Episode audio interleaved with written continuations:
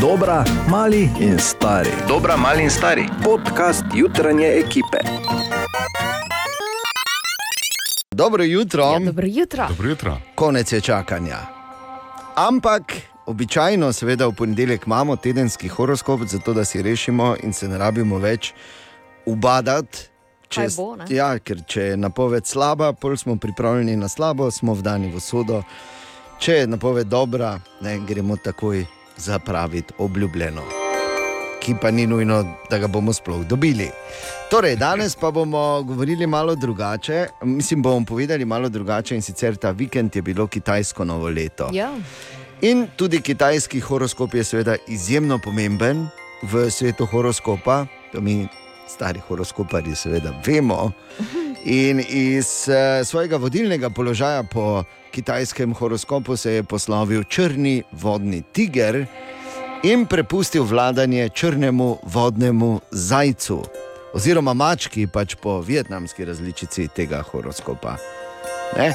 To je, seveda, gre po teh letnicah, ne bom to razlagal, ampak je pa si lahko vsak poišče, ker uh, dosti nas je. Ne? In zdaj, če bi na vsakega, za vsakega iskal, uh, kaj Ja, je po kitajskem. zajec. Ne bi za vse, samo za, po, za mene podgana. Jaz sem 72-letnik, podgana Tako. po kitajskem, po vietnamskem sem.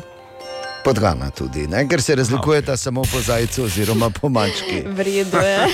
In kaj prinaša uh, novo, torej lunarno leto za vse nas? Uh, leto črnega vodnega zajca. Pravijo, da je to primeren čas, da se nekoliko umaknemo v zadje, se umirimo in si odpočijemo od napornih situacij.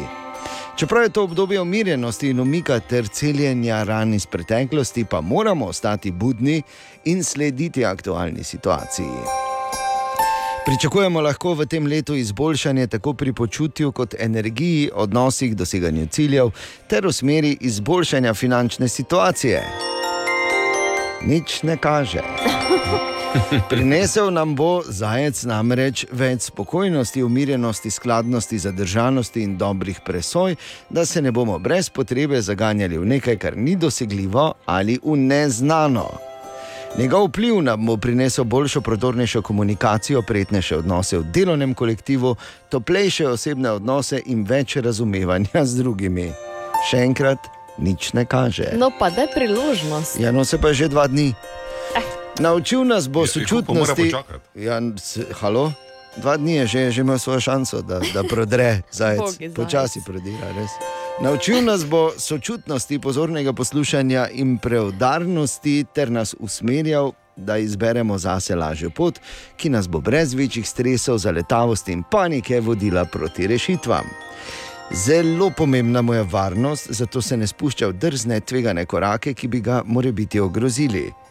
Ampak najde malo globjo brazdo in not počepne. Si poleg zmišljuje.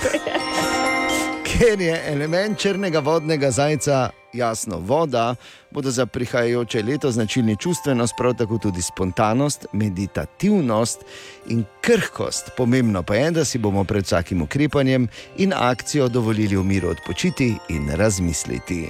Tako? V bistvu bomo počivali in čakali na boljše. Ja, ne, ampak boljše bo in na vseh področjih. Ja. Bom rekel, tako se je začelo, jaz bi rekel super, od vsega tega dobrega, v teh dveh dnevih, odkar je vodni zajcu priložnost, mene bo no. razneslo. To je stavek. Ana, če bi dali decembra, če bi pobirali, eh, zdaj pa se gremo staviti za stavek, ki ga zihor, ziher ne bom nikoli rekla v naslednjem letu. Ja. Bi dala denar, jaz bi dal denar gor. Jaz bi stavek, dala denar. Daj zajcu priložnost. Ja. Zdaj vemo, tako bo v tem letu. Pa dobro jutro. Dobro, Dobro jutro. jutro. Ena od treh, treh, treh. Jutranji sprehod po zgodovini popularne glasbe. Ja, in danes se bomo spomnili tega, ki bi praznoval svoj 63. rojstni dan, ampak seveda ga ne bo, kaj ti že od leta 1997 prepeva v tistem velikem bendu tam zgoraj. Michael Hutchins, pevec skupine In Excess. Michael Hutchins, ki je bil vedno znan po Potem, da je pač živel malo drugače, no, tako bomo rekli. Bil je sicer na dobri poti, po pa je imel eno prometno nesrečo, ko ga je ruknil taksi in je zanimivo izgubil von in okus. Ja, ni imel takrat malo Covid je korone, imel, ja, ja, prvi. to smisla. Pa da nehaj, Goran. Ne, ampak je pa res, da je takrat utrpel, utrpel kar hude poškodbe glave in to se je kar poznalo. Na vsakem primeru je s svojimi inexcesi eh, v 80-ih in v 90-ih bil eden najpopularnejših na rock in pop sceni, pravzaprav globalno gledano. In uh, na koncu se je pač za njim končalo. Pravzaprav tako kot je živel, relativno divje, uh, samomorom oziroma z nesrečo.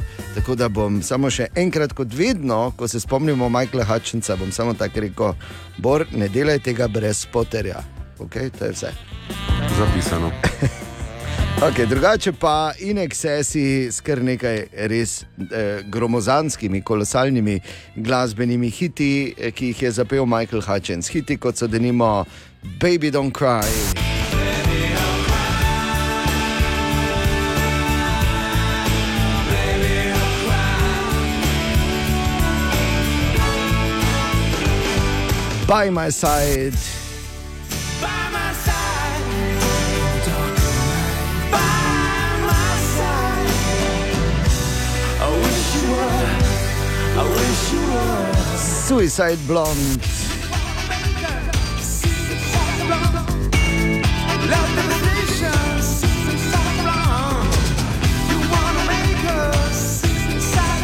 In pa jasno, da Need You Tonight, ki jo bomo danes, eh, ko se spominjamo Michaela Hutchinsa, ki bi bil star 63 let, tudi zavrteli. Dobro jutro. Dobro jutro.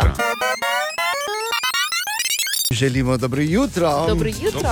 Ja, danes je torej kar izziv kamorkoli z volanom, zato naj se seveda Kamorkoli še z volanom. za volanom.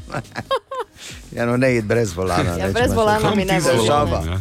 Kam ti z volanom? A, zato seveda eh, želimo srečen prihod na cilj, kamorkoli že, in si pomagamo na servisu 200. Naj sem pa razmišljal, kako je bilo včasih vse bolj preprosto. Ne? Brez volana, ne? Da, ja, ko še ni bilo tako volana, veš, ko si, ne vem, zjutraj je bilo, pa je snežilo, pa ga je nametalo. In kaj si naredil, ko si bil doma na kmetiji, pa zjutraj si šel živino porihtati, pol si pa šel spet malo not, si malo luščil orehe, eh, sedel pri krušni peči, vmes šel v klet pogledat, če se salame lepo sušijo.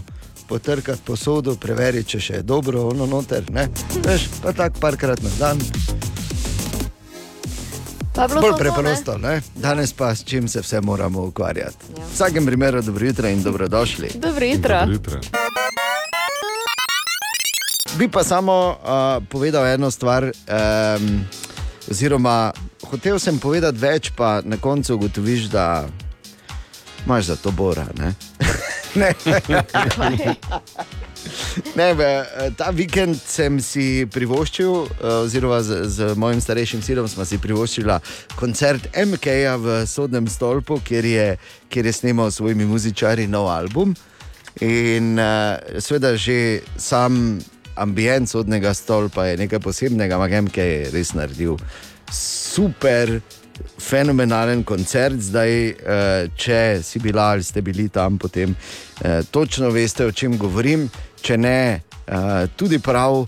Imamo Bora, lahko pove, bil je poseben akustični koncert, v Ja. katerem je MK kot Ja, ja, ja. reper, ki seveda se fejs nasloni na elektroniko in elektriko, naredil nekaj malo drugačnega. Res je. Nekje tam v množici pa ste bili dve osebi iz Frama, ena malo starejša, opognjenega hrbta in ena mlajša zvedava, zelo sta uživali. Hočem, sa, ja, res, hočem samo povedati, oziroma se na tem mestu opravičiti, če bo slučajno, ker pač vse veš, ko te prevzame, jaz se ne držim nazaj. Ne? Jaz sem se kar držal. Ja, da, da čujem, kako te prevzame. Ne, jaz, to ne gre tako. Moraš se potruditi. To ne Ja. more zdaj, ne mora biti pravi Ne impuls. Ne, hočem povedati samo to, če bo na albumu pač en malo starejši glas, ki se dere, bravo! Upam, da se nisi tako. Podobno. No, Veš, kaj pa dos noter, ne? Ampak res izjemno.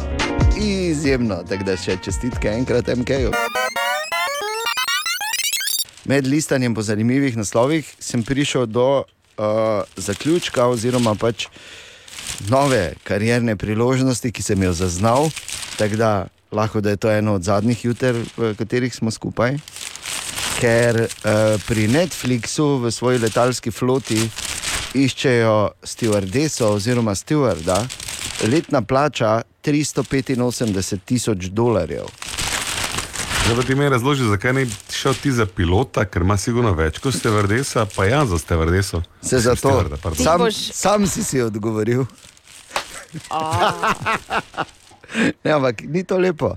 385 tožno lepo na leto. A na sebi te vzela sabo, samo to Samo je kaj? koleno. To je, ne, to je koleno. To je. No, Moje koleno je čisto v redu, že eno leto. Da... Ne rabi Ja, dosti. to tako Se atrofira ne rabim po kolenih hoditi po letalu. kaj. A, A da ne? Prava stevardesa, veš kaj, to so bolj mala letala. Ne? O, Tine! Ja, Tine, dobro jutro. Dobro jutro. Dobro, Zdravo, jutro, zdravo. Tine. Jut, tako mi je rekel jutro, bolj samo. Kaj pa te? Marsikdo ima Ja, ti danes. ne bi vedel, bi dal svoj rit malo v um premaknil, pa je videl, zakaj ni dobro. Daleč od Kaj? dobrega. Če je zima, kdo hodi ven? Pa res, kdo med- hodi Ja, res, ven? kdo res, hodi kdo ven? hodi ven. Ja. Kdo hodi ven za in zakaj bi hodili ven? Tako. Ja, dobro. Tako je lepo kazati, recimo včeraj je že bil, veš, ko si hodil, ko je že malo škripalo pod eh, nogami, ko si mm. hodil po snegu, ne? zdaj pa ni več škripanja. Ne, zdaj pa je samo. Ja, no, glej, se moramo sprijazniti. Včasih je škripalo, danes pa imamo žlufarco. Ja. To je stara To- resnica zime 2023. Ja, to se lahko na številne In kdo bi ven hodil sploh? Ne? Ja, res, Ja. kdo te hodi ven, ko je In zima. zakaj? Okay. E, drugače pa recimo, imamo eno zanimivo, No, lega tako. zlomka. Zanimivo. Henri de Balzac, poznamo. Ja, seveda, Ja, poznamo. seveda. Eden od večjih uh, uh, frajerjev, tako bom rekel, po mojem je bilo v njegovi družbi vedno zabavno. Zagotovo. Ja. Sploh, ker naj bi po uh, neki legendi, zdaj, če je to res ali ne, uh, spil 50 čalc kave na dan, Ja. da je lahko ostal pri sebi, da je lahko pisal, oziroma pač kaj delal. Ne. Pisal non-stop ni. Ne. Ne, pisal je malo vmes, da se je spočil, po mojem. Tako da uh, jaz probal ne bom.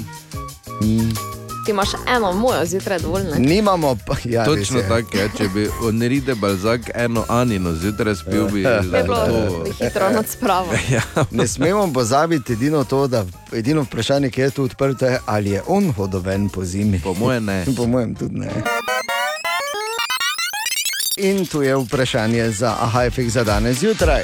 Smiljan je pisal na jutraf na radio city.js in pravi, zakaj so radiatorji ravno pod okni običajno. Ni to najslabša ideja, ker so tam tudi največje izgube toplote. ja. Pa smo tam, ne? Ja, smiljan je zgleda tako ti, veš, ne gre dosti ven, ko je zima, pa ima čas za razmišljanje. Ja, mislim, kolektivni razmislek pa pričakujemo, da po aha efektu bomo trgali ven radiatorje vsi kolektivno, ne, ker se Ja. že tako, da bi morali prvi posluh. Radiatorji se sliši tako kot veš, 90-ta, ne? Zdaj, Tako. pač talno gretje, ne? toplotna črpalka, veš.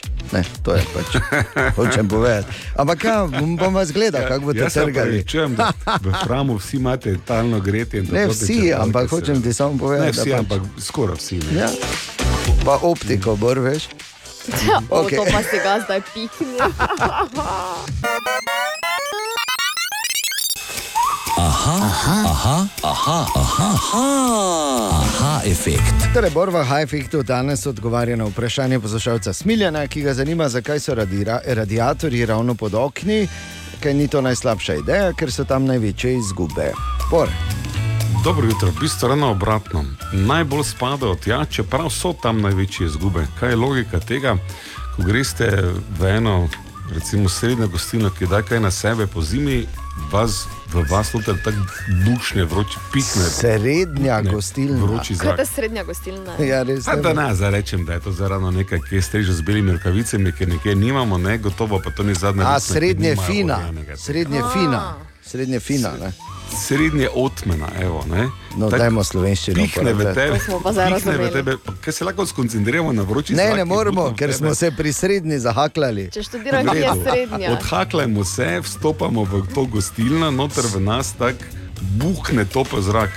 To je ta zavesa iz toplega zraka, ki pa dejansko preprečuje, da bi toplota iz prostora uhajala. Podobna zgodba je pri radiatorjih. Ko radiator damo pod okno, se tam oblikuje taka zavesa vročega zraka. Zveni kontraintuitivno, da je to tako, ampak tako je bistvo, tako fizika deluje. Če, bi, ime- če bi radiator dal recimo na drugo stran od, od okna, potem bi ta topli zrak, ki se seveda dviga, ali pa bi grel tam steno, pa gor iz trop, ne. Medtem ko bi fino ta hladni zrak iz okna lepo se spustil in se plazal proti našim gležnjem, ker vemo, gležnji so občutljivi na mrzlo, če so kaj. Ne? Ja, pa tudi grdo da- bi izgledalo. ne? Si predstavljaš, da imaš ja. tak na steni pa kar neki radiator? Kako te to zgleda? To že, že v kopalnici, če ne bi bilo ojtrat, ne, gledaj, se opravičujem. Grdo. Okna so sicer bila največji problem, takrat, ko so bila še iz kovine, pa samo ena šipica, zdaj je to malo boljše, ker so lepše izolirane, ampak vseeno še vedno radiatorji kar spadajo tja. Iz več razlogov. Lepo je, pa zaveso naredi. Iz kovine si imel ti okna, Ja, včasih. okvirje, ne, iz, Kot jaz eh, so bili so leseni, ja. najbolj, ampak v Ja, pa imeli so doma? kovinska okna včasih, pa eno V tamu. samo. Tomu je Ja, v, v tamu. Ne? Ja, si ga. In- čutil. Ja. Samo tam v Kaj onih- vi veste? v rovih Kaj niste imeli okn, Borg, kako se spomnim. Ali tudi vi pogosto totavate v temi? Aha, efekt, da boste vedeli več.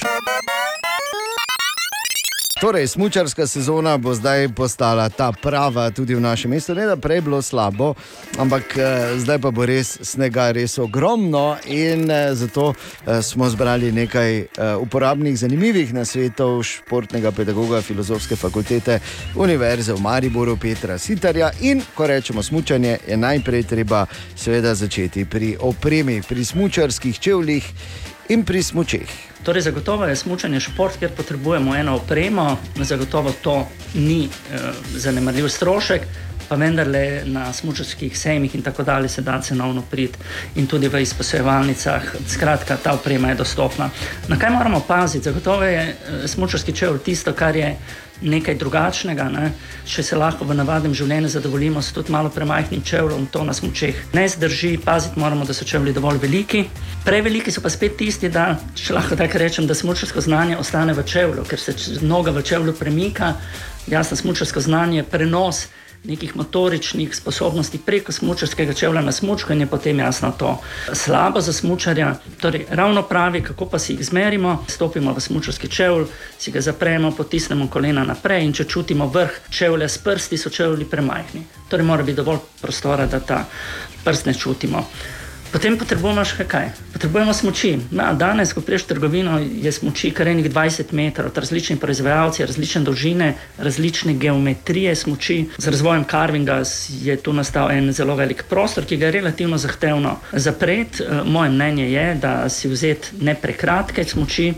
Zakaj ne prekratke? Ker z njimi dobimo preveliko potuho na začetku smučanja, ker mislimo, da je lažje, v bistvu se pa v smučanju nič ni spremenilo v smeri, da bi bilo lažje in manj, če tako rečem, nevarno. Pravilna dolžina smuči je dragocena. Sam predlagam nekje višino telesa plus minus 5 cm. Zakaj daljše smuči, zakaj me nekdo zdaj, ki je slišal to, "O, o, pa trgovinsko govorijo smuči do brade. Ne? Zakaj malo daljše smuči? Ker ko smučamo dinamično in če je fajn za smučati, in če so zjutraj smučišča lepo pripravljena in imamo tista rebrca, je fino malo spustiti. In daljša smučka v večji hitrosti bolj predvidljivo zajema na eni strani smučarsko znanje in se lepše odziva na okolje in pritiske, ki jih smučar s takšno smučko ustvarja. Je. A, da ne bi prekratke kupovali slučajno. Tak, to je eh, zelo zanimivo. Ne, mislim, ne bi mogel boljše povedati. Tudi jaz ne pa vidim, bolj tudi tak mir, tak, ima Pa, poznavalsko. mislim, ne. Lahko bi, ne samo. Ne, ne. Ampak je pa, če še se ostavimo za trenutek, Peter, pri varnosti, dejstvo je, da uh, so vse bolj uh, standardni del opreme čelade, kar je seveda super. Za, recimo, če se spomnimo nazaj, kako so včasih tudi tekmovalci, recimo Stenmark, pa to vozili s kapo, križaj celo brez, samo z očali, ali pa so imeli samo trak čez uhe. Recimo, ne. je bil Rok Petrovič uh, eden od prvih, ki je uporabljal čelado. Ja, zelo korektno je razmišljanje današnjega dne, da vse tisto, kar obstaja in zaščiti nekoga, je, je korektno. Ne? Čelada je ena boljših stvari, smočarska čelada, ki se je zgodila v tej spremembi iz klasičnega smočanja, kjer nismo uporabljali čelad, čelade so uporabljali samo tekmovalci, ker so smočali torej, na progah, na čas in tako naprej. Čelada je pač zelo ok. Najboljša kombinacija je smočarska čelada in dovolj smočarskega znanja. Oziroma, smočarskega znanja ni nikoli preveč. Investiranje v oboje je pomembno pri odločitvi, ko se začnemo s tem športom ukvarjati. Sam sem mogoče malo uh, štrlim na terenih, ker ne smočam praviloma s čelado. Zakaj? Ampak iz preprostega razloga, ker preveč čutim to zadrego, ki jo težko izpeljem in to je, da bi smočari ob čeladi vsaj toliko investirali še v smočarsko znanje. Z smočarskim znanjem preprečujemo nesreče, s čelado pa nesrečo samo omilimo njene posledice. In če se tega zavedamo, mislim, da praktično ni, ni več vprašanje, prvič čelada dali. Ne? Zagotovo, če se nekaj zgodi, smo zavarovani, ampak še lepše je, če se nekaj ne zgodi. Ja, in da se ne bi zgodilo, je seveda potrebno imeti dovolj visok nivo smočarskega znanja, pot do njega pa je seveda relativno uh, preprosta, sploh tukaj v našem mestu oziroma na tem našem bregu. Ja, to je športni pedagog uh, Univerze v Mariboru, filozofske fakultete Univerze v Mariboru, Peter Sitar, še bo imel nekaj zanimivih nasvetov za nas in uporabnih nasvetov tudi v prihodnih, uh, v prihodnih jutrih ta teden. To seveda zdaj ne pomeni, da se nam je totalno zmešalo, ampak da smo na zvezi z Belekom. V Turčiji so naši pubeci na pripravah in z njimi tudi Matjaš Alabun Šalca. Šalca, dobro jutro, zdravo, lepo zdrav, kaj imamo tu? Lepo pozdravljeni iz Beleka. 12. že je Belek pripravljalna baza vijoličastih med glavnimi pripravami in te so seveda zimske. Eh, v soboto je naša ekspedicija prispela iz zasneženega Dunaja v res sončen in zaenkrat super topel belek temperature. Vsak dan so 18-19 stopinj, eh, in kar se tega tiče, smo zaenkrat res eh, lahko zadovoljni.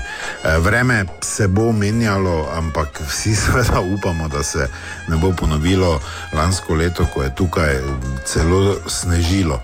Je pa res, da so se priprave eh, začele, mogoče ne ravno po planu, ampak čas virusov in obdobje virusov je tako, da imamo tri igralce s temperaturo oziroma z virozo. Eh, Nemanja Mitrovič, Jan Repas in Luka Uskokovič so tisti, zaradi katerih eh, smo eni v nedeljo. Uh, oziroma, včeraj tukaj iskali dežurno lekarno, ne morete verjeti, tudi tukaj v Beleku, v Marketu, so v nedeljo lekarne zaprte. Hvala Bogu, je bila ena odprta, da smo kupili te neke praške, vitamine, pač, ki so potrebni, da se ti trije čim prej vrnejo v normalni ritem. Ko smo odhajali iz te lekarne, sekretar kluba fizioterapeut, ki je pač potreben, da pogleda, da na škatlah ni kakšna prepovedana, oziroma v zdravilih kakšna prepovedana substanca. Ko smo odhajali na trening, nas je ustavila policija. Ne vem, navadno tu policija ne ustavlja renta karo, razen če ne narediš neke pač hujše stvari. Dva policaja sta nastavila, parkirala na stran, kot pričakovano, seveda, besede nista znala angliško, oziroma ja, par besed ja nagovorila v Gurum, Džubilu, Durum. Šofer pravi, I don't understand, normalno. Uh, football club, uh, na to pravi en policaj, family. No, football club, Maribor, Gordol in pol pač smo šli dalje. Uh, včeraj popoldne je bila tudi prva tekma, čukarički, uh, zmagali smo z 2 proti 1. Vsi več ali manj zadovoljni, trener pač poudarja, da v tej fazi pripravo rezultat ni važen, vsem nam, ki smo zraven, pa je, oziroma pač fajn je zmagati, ne zdaj na pripravah izgubiti. Um, tako kot vedno. Uh, proti takšnim in drugačnim nasprotnikom se je na tekmi malce zaiskrilo. Ampak eh, drugače je vse pod kontrolo, normalen ritem, eh, igralci so malo ali fejst utrujeni, kar je dober znak. Eh, Najboljši znak od vsega je, da se Jojo Iličič eh, sigurno in dokaj hitro vrača na stara pota in kot je dal športni direktor Marko Šuler, bo on naša največja ukrepitev ob že vročem uh, Žanu Vipotniku, ki pač nadaljuje z strelsko formo. Uh, to je danes, za danes vse iz Beleka, tretji dan priprav, se slišimo jutri, hvala lepa in nasvidenje. Ekskluzivno in aktualno iz priprav Enka Maribor v Turčiji, Matjaša Lamunčalca. In tu je naš priljubljen jutranji segment iz Borove Špajze Bor. Dobro jutro in lepe pozdrave iz kraja, ki mu rečejo prestolnica. Jaz nikoli nisem maral tega izraza preveč, eh, ampak če rečem Ljubljana, pa tudi se zdi, da bi Mogoče, bilo Bor, brutalno. ne. mogoče zato, ker nikoli ni bila prestolnica in Ja, ja, ne. na robe uporablja ta izraz, ker ja, ni bila ker prestolnica. Kje, kje je ta prestol, recimo? Ja, ni ga bilo nikoli, tako da glavno Da se- mesto. Ja, da se ne menimo o tem, um, da Maribor te dni naj bi bil, to so za neki indici, razglašen za eh, eno izmed najlepših turističnih destinacij Evrope, kar vemo, je Ljubljana bila pred časom. In zopet moram malo povedati, Ja, o bravo. krivici, ker jaz sem zdaj z prve roke povem, jaz sem gledal tukaj, sneg je res padal po noči. Takoj, ko je zjutraj se tu malo zdanilo, je ta sneg šel v vodo. In naj vam nekaj povem o prestolnici danes zjutraj. Glavne mesto, prosim. O tem, ja, brez veze. A to se mi zdi reči. To je ta- Ja. To je tako v, v, v eni besedi noter. ne. Torej, domače, eh, po domače povedano, um, veste. Morate iti malo ven, da, da vas prime domotožje, ker potem posledični efekt tega, ko vas domotožje kje druge prime, je, da se je res, Maribor je najlepše mesto za živeti najslabše mesto za delati, ampak gledajte, to ni za zamenjati. Ker to te ostale, kar nam nudijo, pa je tukaj tudi Dunaj, pa je tukaj tudi Grac, pa je tukaj tudi Budimpešta in tako naprej, vse imajo neke male presežke, ampak generalno brez veze. Ne. No, je pa res dobro, si rekel, uh, Ana si ga slišala, moraš iti ven, da te zgrabi domotožje. Ker če te, Nekako, ja. če te doma zgrabi domotožje, Je ne, hudič. Je pa imaš slabo. še res Je problem. hudič, ja. Želimo dobro jutro Dobro jutro. in predvsem varno pot. No, a, jaz sem se danes zjutraj, bi rabo tako zgodaj, zgodaj zjutraj, bi rabo tako eh, željo na poti, ne vem, iz spalnice v kopalnico, ker sem se tako zarezal v mali prst. Oh, Ja. Tako da, če, da še zdaj jaz. da se, ja, tako, in ker se je verjetno to že komu zgodilo, na vse zgodaj zjutraj, ja, so zunaj taki narodneži, v mojem primeru, brez skrbi, dosti večji kot si ti. Dobrodošli. Dobro jutro. Dobro jutro. Ja, in eh, čas, da se malo pomenimo o filmu. Ne o filmu, kakem specifičnem, ampak o filmu na splošno. Danes je 24. januar. Ne samo, da lahko od danes eh, jemo čričke, tudi uradno in se ne rabimo več skrivati, ne bo. Uh, Evropski uniji.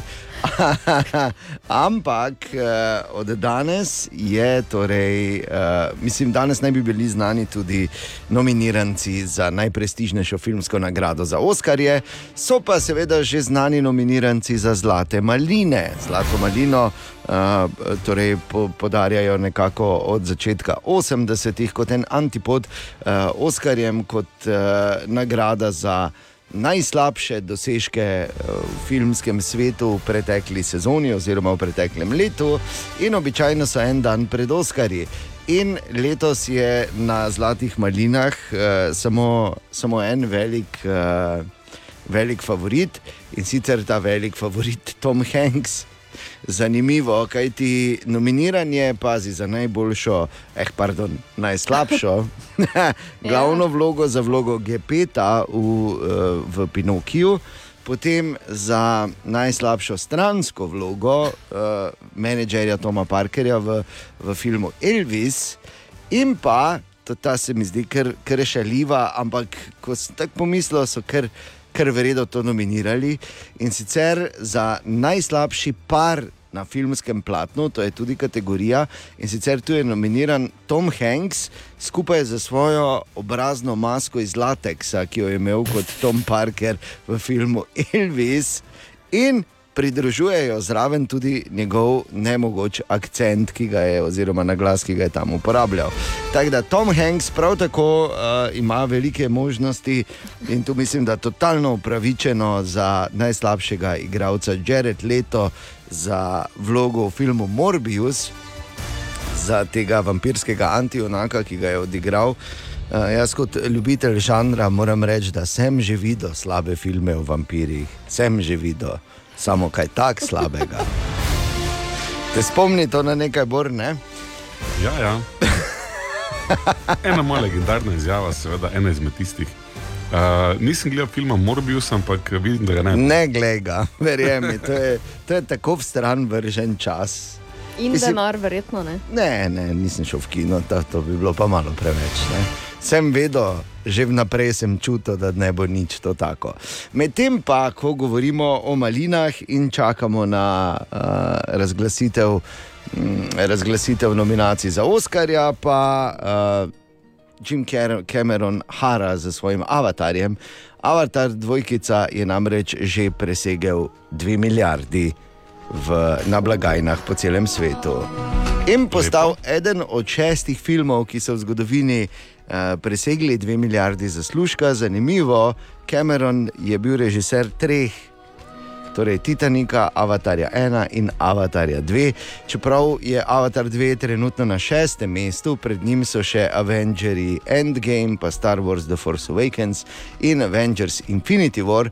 Pa seveda pričakujemo že v tem tednu, da naj bi preskočil vsaj te tri omenjene in se uvrstil eh, med, eh, v zgornjo četverico po zaslužkih kar bi bilo skoraj nujno, kajti sam Cameron, je, ki je uh, serijo filmov Avatar označil za najslabši poslovni načrt v filmskem svetu v zgodovini, tako pregrešno drago jih je bilo delati.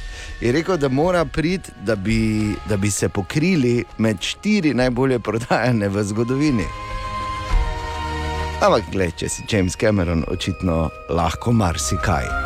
V vsakem primeru uh, prihajajo še tri, ne, šti, koliko? štiri, tri, tri avatarji, štiri. Skratka, vsake dve leti zdaj pričakujemo novega avatarja, danes pa torej nominacije za Oscarje. Seveda želimo dobro jutro. Dobro jutro.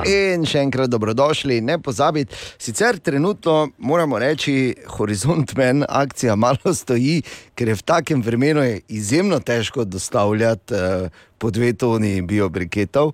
Ampak to nič ne pomeni, to ne pomeni, da ne moreš še vedno ne se prijaviti in postati Horizont Men ali Horizont Woman Čakaj, novi. imam Rimo, stoji dostava, ne prijava. Tak, bravo, evo, točno to. To moramo zdaj posneti in dati zraven, in potem se še naslednji dve minuti v posnetku zahvaljevati avtorju. Hvala, avtor, za to Rimo, hvala za tvojo odličnost, hvala za vrhunskost. Ne, ampak čisto za res, vrhunsko je, uh, je lahko. Uh, vsa, mislim, sem prepričan, da je vsakem od nas, le da ni vedno čisto zares izraženo. Naša akcija s horizontom pa to omogoča. Horizont Man, novi mariborski superjunak, ki pride in reši kurilno sezono s trdim gorivom tistemu, ki to zares potrebuje. Horizont men, pa super junak, mi je že vroče. Vsak je lahko Horizont Man. Le povej nam, če poznaš koga, ki bi mu prav prišla pomoč pri gretju doma in s podjetjem Bioles Horizont mu podarimo dve toni biobriketov. Pa to ni neki hec, ne? Ne, To sem lahko jaz tudi? ja, ampak ti boš Horizont Woman.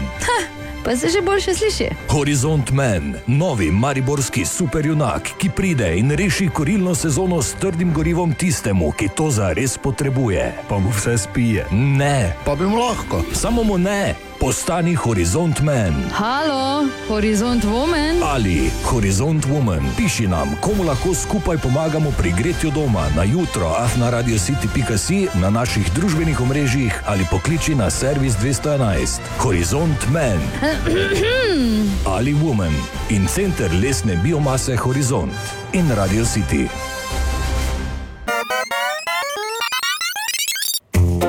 Je pa ponovno odprtih oči skozi naše mesto šel Jaša Lorenčič. Jaša, dobro jutro.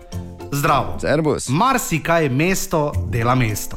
Ampak res ono v praksi pa je mesto res mesto takrat, ko živi, diha in čaga, tudi po noči.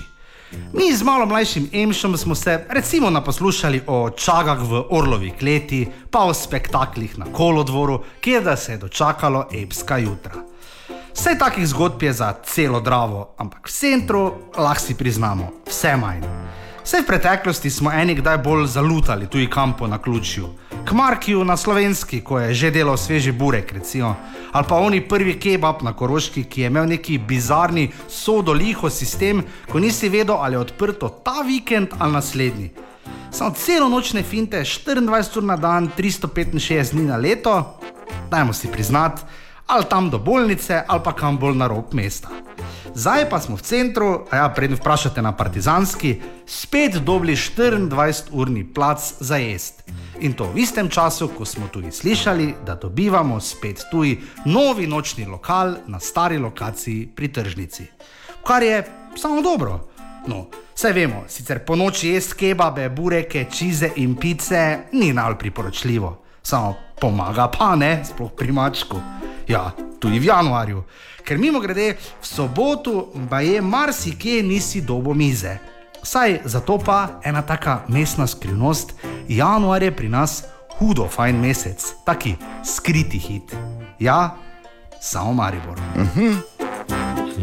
In mogoče res ni najboljše uh, jesti vse to takrat po noči, samo kako pa paše, pa Ja. kaj si, pa kaj si ti no. ja. Ena od treh, treh, treh. Jutranji sprehod po zgodovini popularne glasbe. A, epsko kariero pa je imel tudi Neil Diamond, ki prav danes praznuje svoj 82. rojstni dan že. In to je človek, ki ima kar nekaj zgodb za povedati. Pa verjetno vse niti ne pove. Začenči s tem, da je hodil v šolo, oziroma bil sošolec od Barbara Streisand. To je nekaj, s čimer se lahko pohvališ. Ne? Si bil sošolec od izvorne geovske ikone, tako se lahko, recimo, sošolci enega znanega radijskega novinarja hvalijo danes. Ne? A veš, kako delajo. Moje slike, kaj že okoli Ja, ja. Od, eh, menedžer od Nila Diamonda je kar njegova žena. In ko sem to prebral, sem, je bila prva misel, ja, od koga pa te ni. In pa uh, nikoli, čeprav je eh, njegova glasbena uh, karijera seveda presega že 60 let, nikoli se ni uh, povsem predal tisti, uh, pa recimo, eno razonodi, ki je vedno v ozadju. Uh, brez tega divjega življenja, uh, torej namesto tega se je odločil, da bo predan družinski človek in se izogibal drogam in alkohola, polnemu svetu drugih rok zvest. Recimo v 70-ih v njegovem primeru, tako mi dva zborom, recimo tam 90, pa prelom tisočletja, ne? vsi so hodili, vsi so vse jedli, samo mi dva smo bila doma.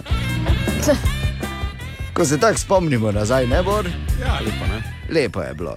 Neil Diamond, kar nekaj legendarnih pesmi je, uh, je uspel uh, spisati in zapeti v svoji izjemno bogati karieri. Hite kot so denimo Song, Song Blue. Song, song, blue, like a willow. Song, song, blue, sleeping on my pillow. Ali pa, uh, če ti to vedno na robe rečem, Hali Holy, mislim, da mi je ratalo zdaj prav.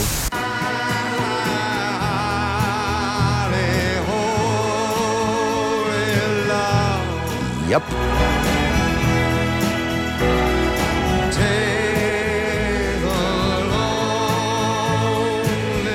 Ali pa delimo I am I said. To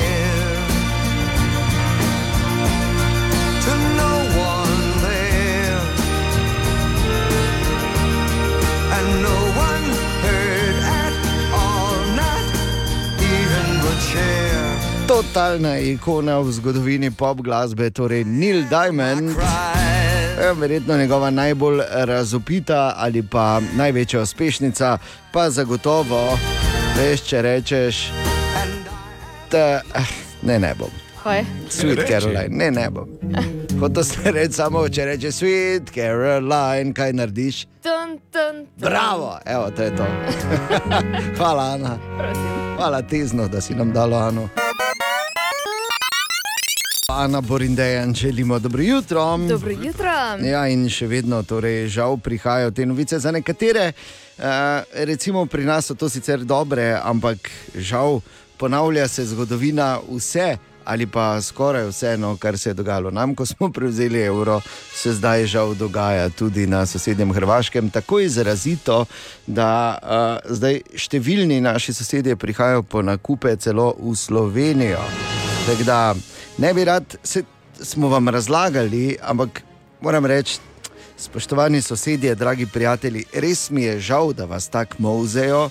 Ampak, eh, kot kaže, je bilo neizbežno, sicer pa se veste, naša vrata so odprta, tako da eh, prid, eh, predlagam, da pač preprosto v znamenje dobrodošlice postavimo nove table na mejnih prehodih, oziroma tam, kjer se da prečkati mejo, in gor napišemo, dragi prijatelji, dobro nam došli v Novoj Avstriji. Še enkrat dobro jutro. Dobro jutro. Torej, uh, včeraj smo zač začeli eno zanimivo serijo, namreč uh, razmere so zunaj takšne, da se smočarjem lahko samo smeji. In to, hvala Bogu, gori na pohorju, tukaj vsaj pod njim v našem mestu ni neke sile, eh, tako da izvrstno, ampak eh, ko rečemo smučanje, redko kdo v našem mestu ima toliko znanja kot, eh, eh, kot športni pedagog filozofske fakultete Univerze v Mariboru.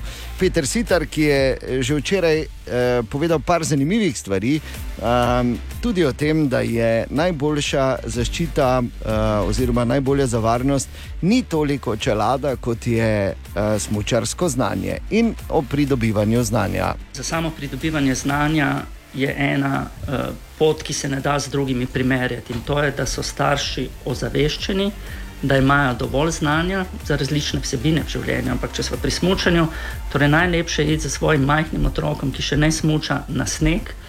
Zagotovo se ne začnemo takoj smučati, so osnovne. Veste, igre na snegu, pa kepanje, pa snežaki, pa poriti, pa sanke, pa eh, še marsikaj. Jasno, smučanje je pa tukaj, ki se relativno hitro ponuja. Moja izkušnja je, moj nec je začel smučati, oziroma smo začeli z njim smučati, ko je bil star 20 mesecev. Ne. Zdaj se je verjetno nekdo zgrozil, ja, ampak obstaja en pripomoček, didaktični, smučarske vajeti, ki se zelo lepo zavrtijo v zelo uporabnem delu. Ko se spuščamo po hribu, s tem zadržujemo in kontroliramo hitrost otroka, ki je pred nami, in ga celo lahko malo napeljujemo k spremembam smeri. Ko pa smo na ravnini, ga pa lahko lepo vlečemo, potisk. Mislim, skratka, ena tako zelo, zelo lepa zadeva. Meni je to šlo super. Torej, če se vrnem, starši so tisti, ki imajo tukaj en enormno lep prostor, ki ga lahko zasedajo že zelo zgodaj. Jasno, potem, ko pa otrok začne smučati, sigurno je prav, da so tukaj strokovnjaki, pa ne samo za smučanje. Tako kot če se začneš pošteno ukvarjati z inštrumentom, greš v glasbeno šolo in tako dalje. Ne. Skratka, lahko se tudi sam naučiš, veliko je samoukov, veliko je mladih smučarjev, pri meni zdaj študentov. Ki nikoli niso bili v tečajih. Je pa bila zelo dragocena zimska šola v naravi, v osnovni šoli, pa kak športni dan, in zdaj so tu. Pa vmes 5-6 let niso smučali, pa da vidimo. Ne. Fino bi bilo, da bi šli v eno tako izpopolnjevanje. Eno uro, dve uri, se nekdo, ki je smučal, tega ne pozabi. Ne. Zelo zanimivo, no sicer pa uh, vedno, preden gremo, oziroma pred sezono, se je fajn tudi osnovno fizično pripraviti. Ta odnos do telesa je nekje konstanta, ki se lahko zaobseže v nekem zdravem življenjskem slogu. To pomeni, da smo tu v tem, kar smo in zato, da smo lahko bolj kvalitetni, je potrebno praktično kontinuirano čez celo leto nekaj početi zase. Govoriti o eni specifični kondiciji je pred smučarsko sezono pomembno. Torej, nekaj več poudarka na jačanju mišic nog in tako dalje, ne, čeprav tudi ostalega se ne gre zanemariti. Skratka, ena lepa telesna priprava je zagotovo ena dobra popotnica za smučarsko sezono. Nikoli ni prepozno, tudi nekdo, ki bo šel smučati čez en teden, ne, naj začne doma malo več hoditi po stopnicah, pa enih 50 počepov na dan, pa kakšne slece, kakšne vaje stabilizacije. Ne, nič ne škodi in nič ni prepozno. Tisto, kar je pomembno, pa je ta tehnični del. Zagotovo, če nismo dalj časa smučali ali če smo smuči po zadnji smuki postavili v kot, je prav, da jih odnesemo na smučarski servis, da nam jih ustrezno pripravijo, drsno površino, robnike, ker nam bo lažje in tudi konec koncev bolj varno. Tudi to je torej pomembno. Veliko zanimivih in uporabnih eh, nasvetov, smočarskih nasvetov imamo še od Petra Siterja in seveda jim bomo z veseljem prisluhnili tudi v jutrih, ki prihajajo. Ana Borindejan, želimo dobro jutro. Dobro jutro. Ja, dobro jutro. Ta prihaja z Japonske, odkuder prihajajo alarmantne novice, da je Japonska celo na tem, da neha funkcionirati kot družba, ker jim nikakor ne uspe rešiti natalitete. Tako da Je nič. to bil kitajski problem? Ne, zdaj, ne, ne, ne, ne, ne, ne. Ja, Kitajci so zdaj pač na neki meji. Prvič imajo negativno, Japonci se s tem soočajo že dolga leta, nikakor jim ne uspe to rešiti, tako da nič. Sklejavo, treba organizirati neko ekipo korajberov, ne? pa da gremo. O, Tine! Tine, dobro jutro. Dobro jutro. Lepo, da si prišel mimo. Tine, naj ti povem, eno je, veš, da smo prijatelji, da smo sodelavci, da se razumemo, da se podpiramo. Ampak naj ti povem, da je Ana danes zjutraj tebi v čast jedla kolesarsko klobaso. In katera sodelovka bi še naredila kaj takega zate, dragi kolega? Da bi ti jedla kolesarsko klobaso. Ker nobena ni na vse Tak zgodaj tako lačna. Ja, res da bi mi kolesarsko klobaso. Nisem vedel, da to obstaja. Jaz tudi ne. eh, Jaz tudi ne, Nisem niti vedel, kako izgleda, prej je Ana pokazala. Ja. Fino je. Verjetno je, veš zakaj, ker je tako. Tak bolj ma, da bi jo lahko veš v toti zadnji žep na hrbet. Tako, ja, pa da tako ješ, ko banano, Po ne? poti, Ko, ja, ker kako izgleda kot banana ali pa kot ta ploščica. Pač Medtem ko prek energijska, ne. goniš, malo pajsneš. Ne? Ja, to ne. Dobro, ampak-? Vredno si že, dan si že zmagala, tako da ni treba. Kolesarsko več. klobaso. Ja, res je. Bor ti, ko se voziš po mestu. Vmešavati preveč, ne, ampak Vmeševati. sem jo vzel pri Betušu, pa sem dal poleg neke zelenjane juhe, pa moram povedati, da je bila res v redu. Pa Ker samo, seveda. Če me sprašujete, od fingušta je najboljše. Noben te Ja, ne se to sprašuje. Ker sem No, včeraj toliko kupila, da sem jo pa prizadevam. Pa noben te nič ne vpraša za kolesarsko. kolesarsko. klobasa. Ti tudi to kupuješ, Bor? Vidiš. ja, Veš, je kolesarsko. slučajno. Pa kaj se- pa kaj se- Ne bi, ne bi šel v debato, če ne bi imel te izkušnje, zdaj stare en teden. Kaj se je te s klobasami zgodilo? Ne vem, čančja prsa, š- šunka pa suha. ali Kaj se Ja. pač? Kam s Čajna. kolesarsko pa z... Kako kolesarska? Kaj te, ja. Če sem prav, veš, ker je zjutraj, ko sem prišel, imela narezano, to te sem rekel, kaj je to kolesarska. Kaj? Kolesarska Ja, tam imaš pa si Ne, no. iskati. Ja ne bom šel. Veš, da imam eh, 12-8. Ja, pa te pa ob 12 si nareži malo. Dobro, Ja. Tine, kaj imamo danes? Da Zdrav Natalja sem, ko se kolesarsko klobaso Vesela. vodilne vegetarijanke. Ja, eh. Prijavi me. Uh, Dejan, jaz bi te prosil, če lahko samo podlago malo zamenjaš. Ja. Malo, malo, bodimo malo tiho zdaj. Meditativno.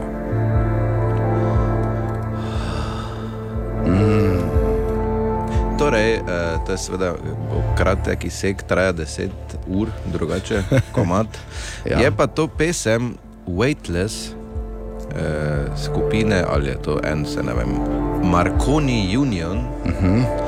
In je pesem dokazano znanstveno uh, znižuje uh, nivo kortizola, uh, zmanjša uh, strahove in napetost in eh, znižuje krvni pritisk. Ne. Do te mere, da so rekli, da ne smeš voziti avta, če poslušaš. ker Samo si- res. Jaz sem prej tri minute not posnel, prisežem, da sem tako sedel, veš pa tako. Jaz tudi tako malo "Glej, cumat čakaj, hočem že. malo, tako."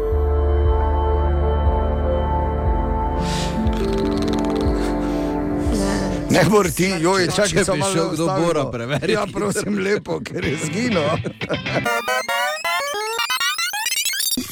In tu je vprašanje za AHFX za danes zjutraj. In sicer, Bor, tako je napisala vlasta.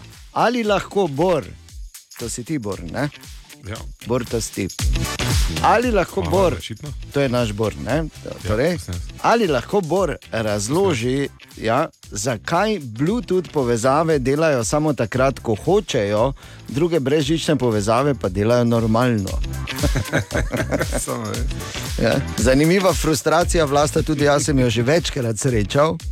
Ampak uh, zato hvala za to vprašanje in uh, upam, da nam bo da nek uh, odgovor, ki nas bo tešil v hudih trenutkih, ko bomo izgubljali živce zaradi Bluetootha. Aha, aha, aha, aha, aha, aha, aha efekt. In tako danes Bor odgovarja na vprašanje poslušalke Vlaste, ki je postavila super vprašanje. Ali lahko Bor razloži, zakaj Bluetooth povezave delajo samo takrat, ko hočejo, druge brezžične povezave pa delajo normalno. Vsi smo kdaj to že doživeli. Ja. Kako je to možno, da recimo mobilni telefoni, pa routerji, torej Wi-Fi, pa Bluetooth imajo vsi wireless povezavo, delajo pa tako različno. Zdaj naprej. Kar se telefonov tiče, ta frekvenčni pas je omejen in ne moreš kar po tem frekvenčnem pasu šariti svojo napravo. Ne, to je zakonsko regulirano, do te mere celo da koriš drugo državo, včasih rabiš drugi telefon. Ampak ok, kaj pa wireless, pa Bluetooth, oziroma Wi-Fi, pa Bluetooth, ta pa sta kar podobna. Ja, pa ne. Ja, zato ker oba delujete na 2,4 GHz pasu, je, ker ni nobenih pravil. Tam pač vsak lahko gor vtakne kaj če in vsak lahko oddaja kaj če in je gužva in je grozno. Ampak razlika med Wi-Fi-jem, ki kar ok deluje, in Bluetoothom, ki se nam zdi od začetka deluje grozno, je v tem, da Wi-Fi porabi več energije za to, da oddaja, ni samo na pač neki mali baterijici, pa za 2 metra beg, ampak hkrati Wi-Fi m, tudi ima en buffer, kjer on, ko oddaja, gre najprej v začasni pomnilnik, pa potem iz začasnega pomnilnika ven, če je povezava nestabilna. Pri Bluetoothu je pa malo drugače, tam ni začasnega pomnilnika, pa tudi znotraj Adaptera, ne, ne. Pasa, Pa adaptera za elektriko tudi ne. ne? Ja, ne, pa tam znotraj tega frekvenčnega pasa malo skače, pa išče rešitev. In na koncu, ne glede na to, da je na papirju Bluetooth super tehnologija, dela to včasih, pa še to bolj slabo. Ja. Uh, mogoče bi morali ime iskati nekje drugje, ne v nordijski mitologiji oziroma zgodovini. Samo predlagam. Slabih pet minut pred osmo je. Ali tudi vi pogosto totavate v temi? Aha efekt, da boste vedeli več. Želimo dobro jutro. Dobro jutro. Dobro jutro. No, in veš, kako pravijo, ne? da v Italiji vsakič, ko rečeš espresso na mesto espresso, pade en zvezpe. Ne? Ja. Pri nas pa, ko je tako lepa situacija, kot smo pravkar videli, v, oziroma slišali v novicah, se primemo za roke, se radujemo, Tako. radostno plešemo, pošiljamo Vsi pozitivno. Pozi ne, ne, ni to fora. Zorba si ti. Ja. To samo pač sem dal kot eno uh, motivacijsko glasbo za to počutje, ko mi pošiljamo gor hvaležnost Bogu Sonca ali komorkoli že, ki je poslal svojega poslanca dol. Kaj ti?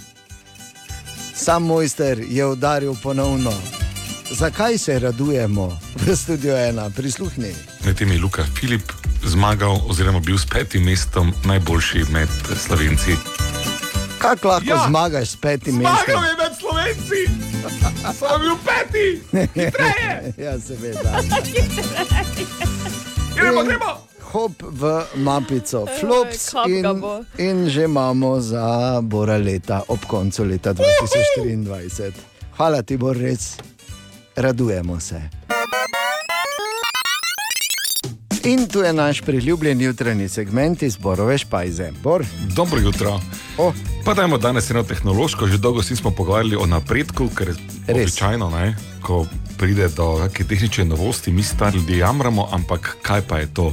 Chat GPT ali Chat Generative Pre-trained Transformer. Ni to OpenAI. Ja, ne, ni to avtoboti, združimo se, ne? ampak je to orodje, o katerem v svet govori kak mesec približno. Uh, tudi Microsoft je rekel, da bo novo milijardo dal v razvoj tega uh, orodja, te umetne inteligence, ampak v praksi to pomeni, jaz kot um, srednje šolec rečem, hm, uh, napiši mi dvostransko seminarsko, oziroma ali mi lahko, ker smo vljudni do umetne inteligence, ali mi lahko napišeš dvostransko seminarsko o Krištofu Kolumbu in kako je to vplivalo na kasnejšo kolonizacijo sveta strani Evrope. In on začne tipkati, in ti gledaš, in on tipka. In on natipka to v kakih treh minutah. Sicer je to treba za angliščino še v slovenščino prevesti. Za kar imamo Google. Za kar imamo Google Translate, ne? Ja. iz konkurenčnega podjetja, ampak definitivno to svet, kot ga poznamo, spreminja do te mere, da moramo se zopet spomniti. Veste, ko se nam zdi, da nikamor ne gre, da smo not zaklenjeni zaradi korone in kazenka vse, in da vse, kar imamo težava, je, da na družbenih omrežjih si mečemo vse v glavo in ne znamo pogovarjati, pa je po desni strani vse naše okorele miselnosti eh, že prehitel čas. Tu smo. Ja. Ja. Vse to, kar sem zdaj povedal, je pravzaprav generirala umetna inteligenca, ne Borgajner, ja. Borgajner je na Bahamih, kjer je z temeljnim univerzalnim dohodkom na toplem že dva meseca. Univerzalnim temeljnim dohodkom. ne, Tako da ta chatbot, ki je na mesto tebe tukaj, dobro si ga streniral, vse tvoje Slabo je napake, prevedel, ne? ne, vse tvoje napake je popatral. Ampak ja, je pa res, da se, uh, se svet spremenja in da absolutno zaradi svojega linearnega donema, dojemanja napredka ljudje zelo težko sledimo tej eksponentnosti in uh, je na neki točki malo strašljivo. V vsakem primeru pa bo zanimivo videti, zanimivo videti, kako se bo to reguliralo, ker do zdaj se je še vse reguliralo. Ne vem, zakaj se to ne bi, samo kako boš reguliral nekaj, ki te da v žep, eh, preden sploh uh, tri elektrončki stečejo. Regulirati internet, ne, ko imaš v žepu orode, ki pač ima odgovor na vsako vprašanje. Ja, Ja, mislim, ja. ja. da, je, da je počasi čas, da mi se spomniš, da ko sem jaz bila mlajša, smo vedno tako rekla, pa zakaj se moramo vse na pamet učiti. Ne? No, mm. Zdaj smo tam, ne, da to učenje na pamet, ki je postulat izobraževanja zadnjih 250 let, ne, od Marije Terezije mm. naprej, se pač učimo na pamet, ne, da potem nekaj počasi izvemo. Ja, zdaj pa je šlo, ne. Zdaj pa je to že zastarel koncept. Plus- Treba učiti kritičnega razmišljanja, debate, eh, sestavljanja novega. Mm. In razvijanja domišljije. Ampak, uh. če je to šlo po desni, kaj šele bo, ko bo po, po desni, od desne prišlo kvantno računalništvo, ki lahko v eni minuti reši problem, ki ga najboljši računalnik zdaj ne more, mislim, da ne v 3000 letih. Tako da, ja. super. Če misliš, da imaš ful dobro geslo, ja, tu imaš petko, pa gremo nazaj, ne, dudat, cugere.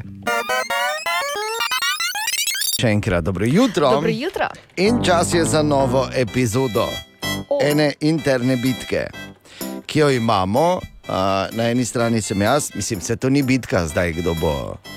No, čeprav vedno je vse tek, tekma in tekmovanje pri nas. Ne? Na nek način. na eni strani jaz, na drugi strani Frasi Medvard.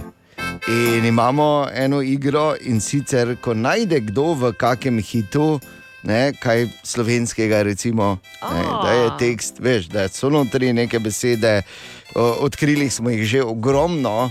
No, in tokrat uh, moram, in seveda en pogoj je, to ne smem pozabiti, da vedno, ko kdo najde, mora drugi to zavrteti.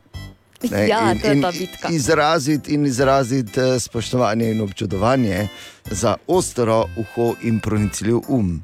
In tokrat sta uh, Fras in Medvar, moram reči, našla, bi se bolj tomašno, uh, sta našla, nismo govoriti. In uh, ja, uh, spoštovana kolega, čestitke, prisluhnimo, v katerem hitu je noter še ena taka.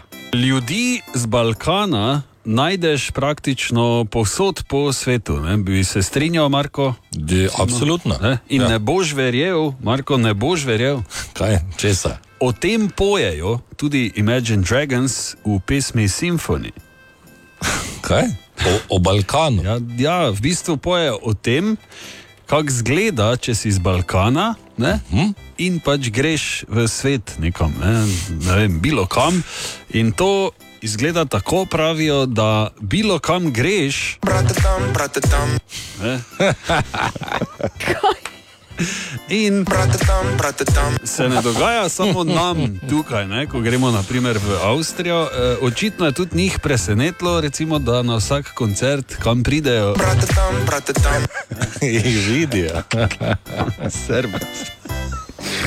Ja, cenjena Oh. kolega, moram čestitati. Tokrat sicer ne v slovenščini, ampak tudi, da so brate tam, brate tam, da je pač to razlagajo. Zanimivo. Je pa to res eh, fenomen, ki ga poznamo pravzaprav uh, že od nekdaj. Meni se je zgodil dolga leta nazaj, recimo v nekem ne preveč uh, ekskluzivnem hotelu v Miamiju, Aha, ok. sredi ničesar, na bazenu. Meni v Amsterdamu. Kjer smo ja, ne, in smo bili sami trije. In, uh, z prijateljema. No, in, uh, en, samo en starejši gospod je sedel ob robu, samo en, samo en. Naš. In se pogovarja, ni izgledal tako na prvi pogled, in se veš, mi pogovarjamo, in kako je fajn, zdaj ko smo tu, ko noben prav ne razume. Ne, pa en prijatelj, fulna glas. Uh. Zakovne in gospod uh, nazaj uh, o njegovi mami. Ne, veš, ne. In tako je bila potem debata naprej. Ampak ja, super. Še enkrat dobro jutro. Dobro jutro. Veš, včasih, ko listam po zanimivih naslovih, naletim na kakega, ko si rečem, tu easy. Tako sem recimo uh, naletel na naslov 2000 let stara mumija na rentgenu. Zdaj Bor, kaj si bil pri zdravniku? Želimo dobro jutro. Dobro jutro. Dobro jutro ja. In kot smo napovedali včeraj, da se bo zgodilo, se potem tudi je, objavili so nominacije za Oscarje. Uh, ni bilo ravno veliko presenečenja, nekaj malega pa vseeno, eh, tako da bomo na prireditvi, ki bo 12. marca in ki jo bo vodil Jimmy Kimmel, čakali ponovno na najboljše, na najprestižnejšem filmskem nagradnem natečaju. No, natečaju. Ja. E, torej, e, zagotovo, ko govorimo o nominacijah, zdaj je absolutni zmagovalec film Everything, Everywhere, All at Once, 11 nominacij, pa potem 9 e, za na zahodu nič novega, pa The Banshees of Inisherin je prav tako film, ki je dobil. Uh, Devet nominacij, osem nominacij za Elvisa, sedem za Fabelmanove in kar me še posebej veseli, šest nominacij tudi za uh, Top Gun Maverick. Absolutno. Ja, šest, štiri samo recimo za Avatarja novega, zanimivo. uh, pet za uh, Črnega panterja, Wakanda Forever. Uh, pa potem tri nominacije za Babylon, ki smo si ga na zadnje ogledali uh, v City Kino premieri, tri za Batmana uh, in tako dalje. Skratka, za najboljši film, to je torej ta uh, uh, kategorija, ki se nekako najbolj veselimo, bo, bo kar bitka. In uh, tu je seveda Top Gun Maverick, moj jasni favorit, ampak dajmo si naliti čistega, bolj malo možnosti ima, da, uh, da uh, osvoji te- tega Oscarja. Največ torej pravijo za Everything, Everywhere, All at Once, pa tudi Elvis, ne na, ne na zadnji novi avatar in uh, uh, recimo Fabelmanovi, to so favoriti za najboljši film. In na to v ostalih kategorijah, verjamem, da ste že to predebatirali, pregledali, če vas zanima. Mi bomo z zanimanjem spremljali še eno kategorijo in sicer kategorijo za Oscarja za najboljšo pesem, uh, v katerem od filmov. In tu mislim, da je kljub temu, da je pet pesmi nominiranih, dvoboj samo med dvema. Na eni strani Lady Gaga mm. iz Top Gana.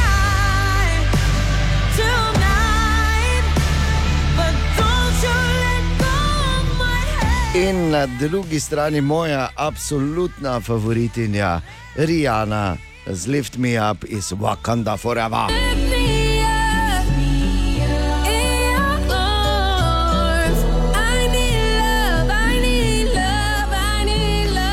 Torej, jaz definitivno navijam za Rijano. Meni pa je Ne. kar blizu, joj.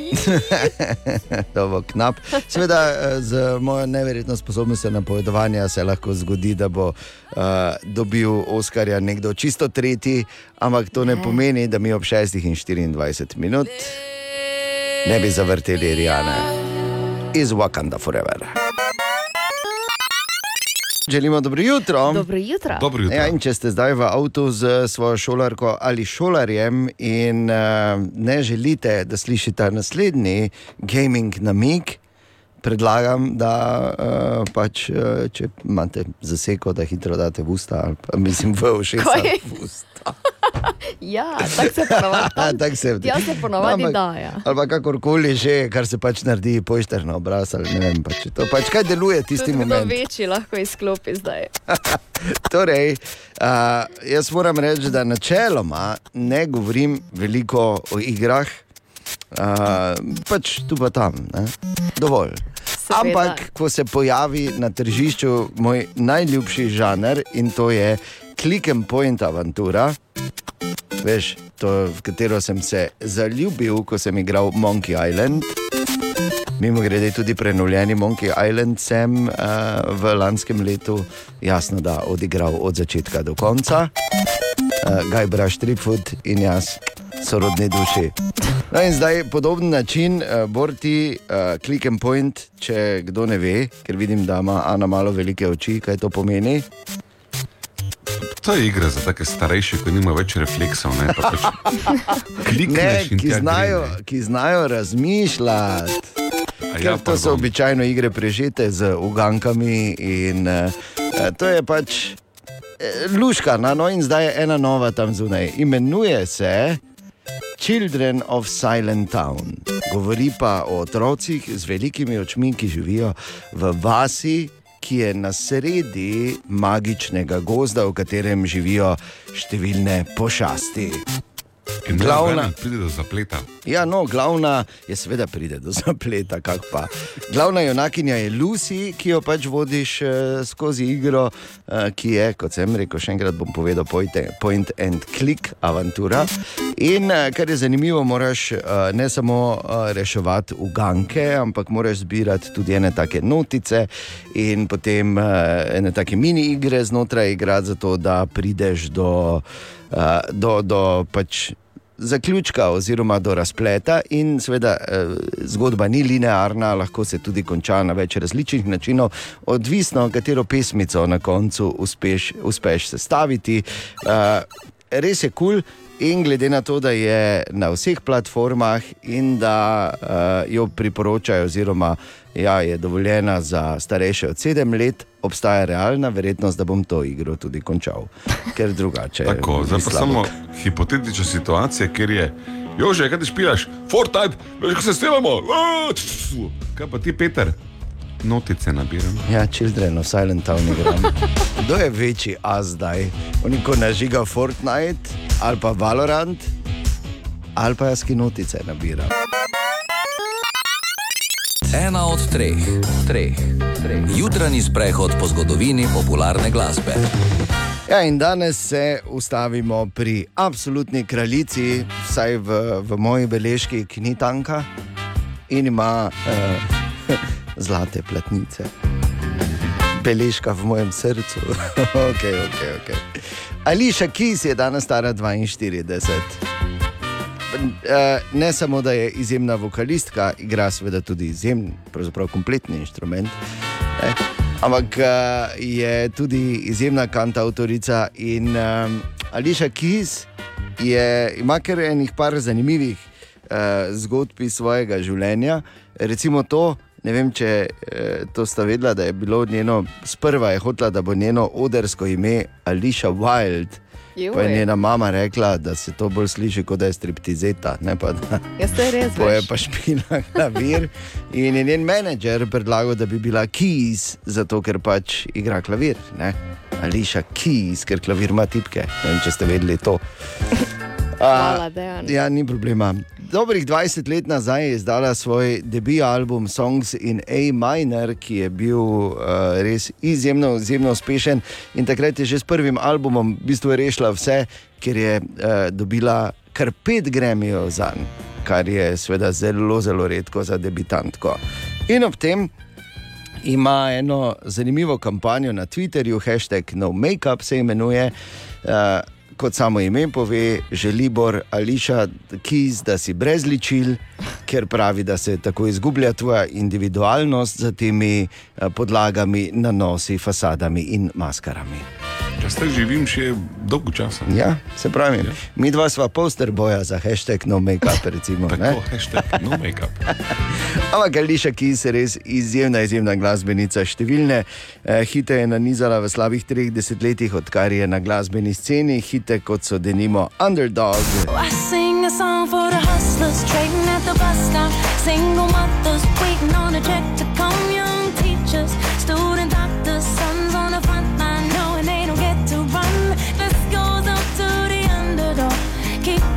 Ali pa denimo osebno himno našega bivšega predsednika.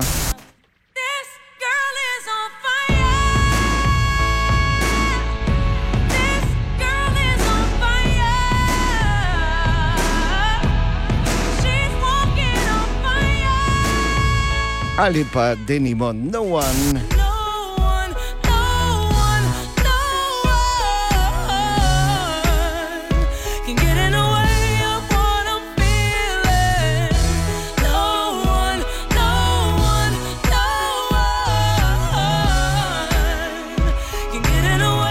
Ališa Kis je torej danes stara 42, ali se kdo od vaju spomni, katera je bila njena čisto, čisto ta prva uspešnica?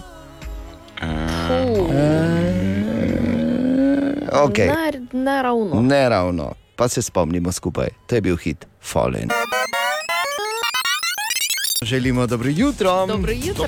Ne upam, da se ta sreda zaenkrat odvija po tvojih načrtih. Če pa ne, pa obstaja resna verjetnost, da se bo. Le kdo je pil iz čaše pozitivnosti danes zjutraj? Jasno. Dobrodošli. Jasne, je rekel. Želimo dobro jutro. Dobro jutro. No, in če smo že pred tremi minutami začeli tako pozitivno, Bor, hvala ti še enkrat. Uh, Glej, mislim, realno je kaj je. včasih Je kaj je. Res je, res je. Res. veš. Zato je edino, edino pravilno, da nadaljujemo še eno zgodbo iz našega mesta, ki nima ravno srečnega konca. Ali je kdo od vaju kdaj kupil posodo tu v oni trgovini na Koroški? Ko je imela pike, ne? Ja, še, mislim, Slavna posoda s pikami. Ja, Jaz ja. si želim takšno džezvo že. Veš po, kak? veš kako dolgo? Ja. Ana pohiti. Res je, pohiti, zakaj točno je raziskala Andreja. Ti. Če Andreja izvoli. Znana prodajalna posode na kilograme na prenovljeni Koroški, v kateri so lonce kupovale tri generacije gospodin, se bo še pred poletjem zaprla. Kot pravi dolgoletna prodajalka trgovine posoda Slava Bandič, je promet v zadnjih letih upadel. Že nekaj časa so kupci v trgovini posoda pretežno turisti, domačih pa preprosto ni več. Kar je pešcona tukaj, je promet upadal. Padal pa je že tudi prej. Recimo, eden izmed vzrokov je bila ukinitev mestne blagajne tukaj. Tu je prihajalo ogromno ljudi plačevati položnice, predvsem starejših ljudi, ki so se tukaj tudi radi ustavljali. Ne? Potem mes je bila korona, prenova te ceste in promet se enostavno ni dvignil. Ta del mesta ni zaživel tako, kot je bila želja nas ali pa teh, ki so to uh, v bistvu planirali. Mislim, da je plan bil nekako drugačen. Ne? Dodala je, da najemnina prodajalne nikoli ni bila vzrok, dviga v desetih letih namreč ni bilo. Kot pravi sama, ljudje raje zahajajo v nakupovalna središča zaradi lažjega dostopa do trgovin in parkirnih mest. V zadnjih dneh, ko se je novica o zaprtju trgovine razširila, je kupcev spet veliko, kakor nekoč, slavine police z lonci pa se počasi praznijo.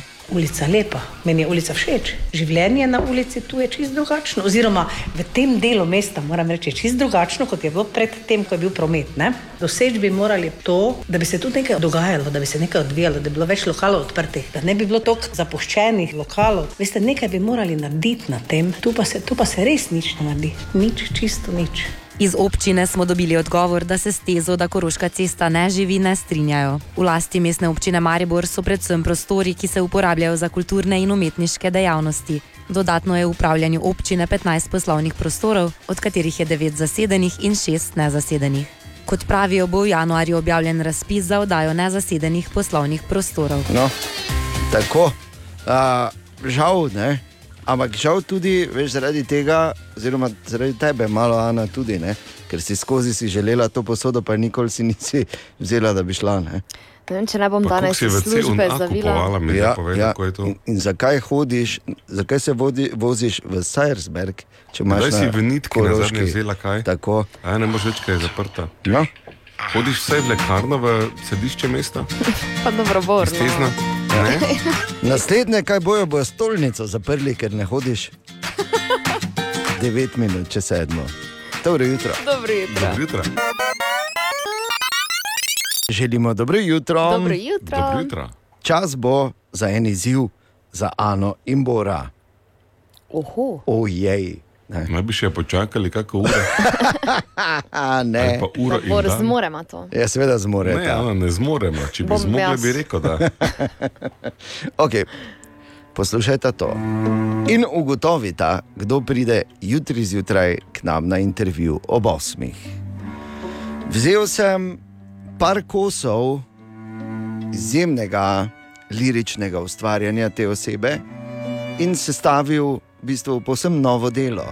V bistvu sem kot umetna inteligenca v umetnosti. S podarkom na umetna, ne na inteligenca. Ok, pazi. Za koga gre, če preberem naslednjo sestavljeno pesnitev? Ko si mlad, se ti zdi, da v svet ti na dlani leži. Lepa, ko zapoješ si potiho, lepa si tudi, ko se zjočeš od nemoči. Vzhaja sonce, odhajam z njim v novi svet, kjer je vse, kar si želim. Bila sva brez misli, odprtih dlani, težave šle so drugam, kot da jih ni. Bodi reka, ki teče zagnano, bodi polje, ki vedno rodi, bodi morje še neraziskano, gora, ki stoji.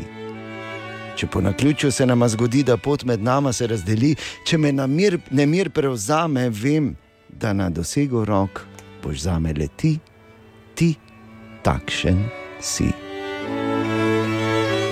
Ja, pa i sem rekel. Ja, Ja, res je, ja, pa i. i, ampak zdaj cel čas študiram, kdo je to, ker res je znano. Znaš samo- te pesmi, ker Ne prevedeš vem, iz kam naj dam. angleščine, pa, pa je potem slovenska verzija ni tako lahko, nazaj potem. Ne. Ne, ni iz angleščine, je slovenka in je. Pravzaprav bi lahko rekli kraljica slovenske pop glasbe, vsaj v moji Ja, knjigi. to je bilo, samo, to je bilo lepa si. Je tudi, ja. Med... Aja.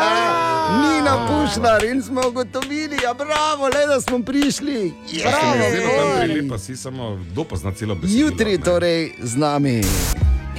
Teboj, to mi je všeč. Ta, ki je zapela, to mi je všeč. Ali pa tople oči. Ker brez besed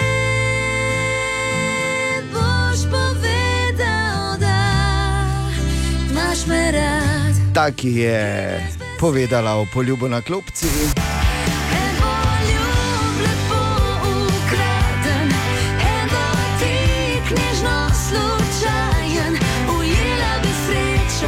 Ali pa ki je nežno dahnila vse, kar rečeš mi.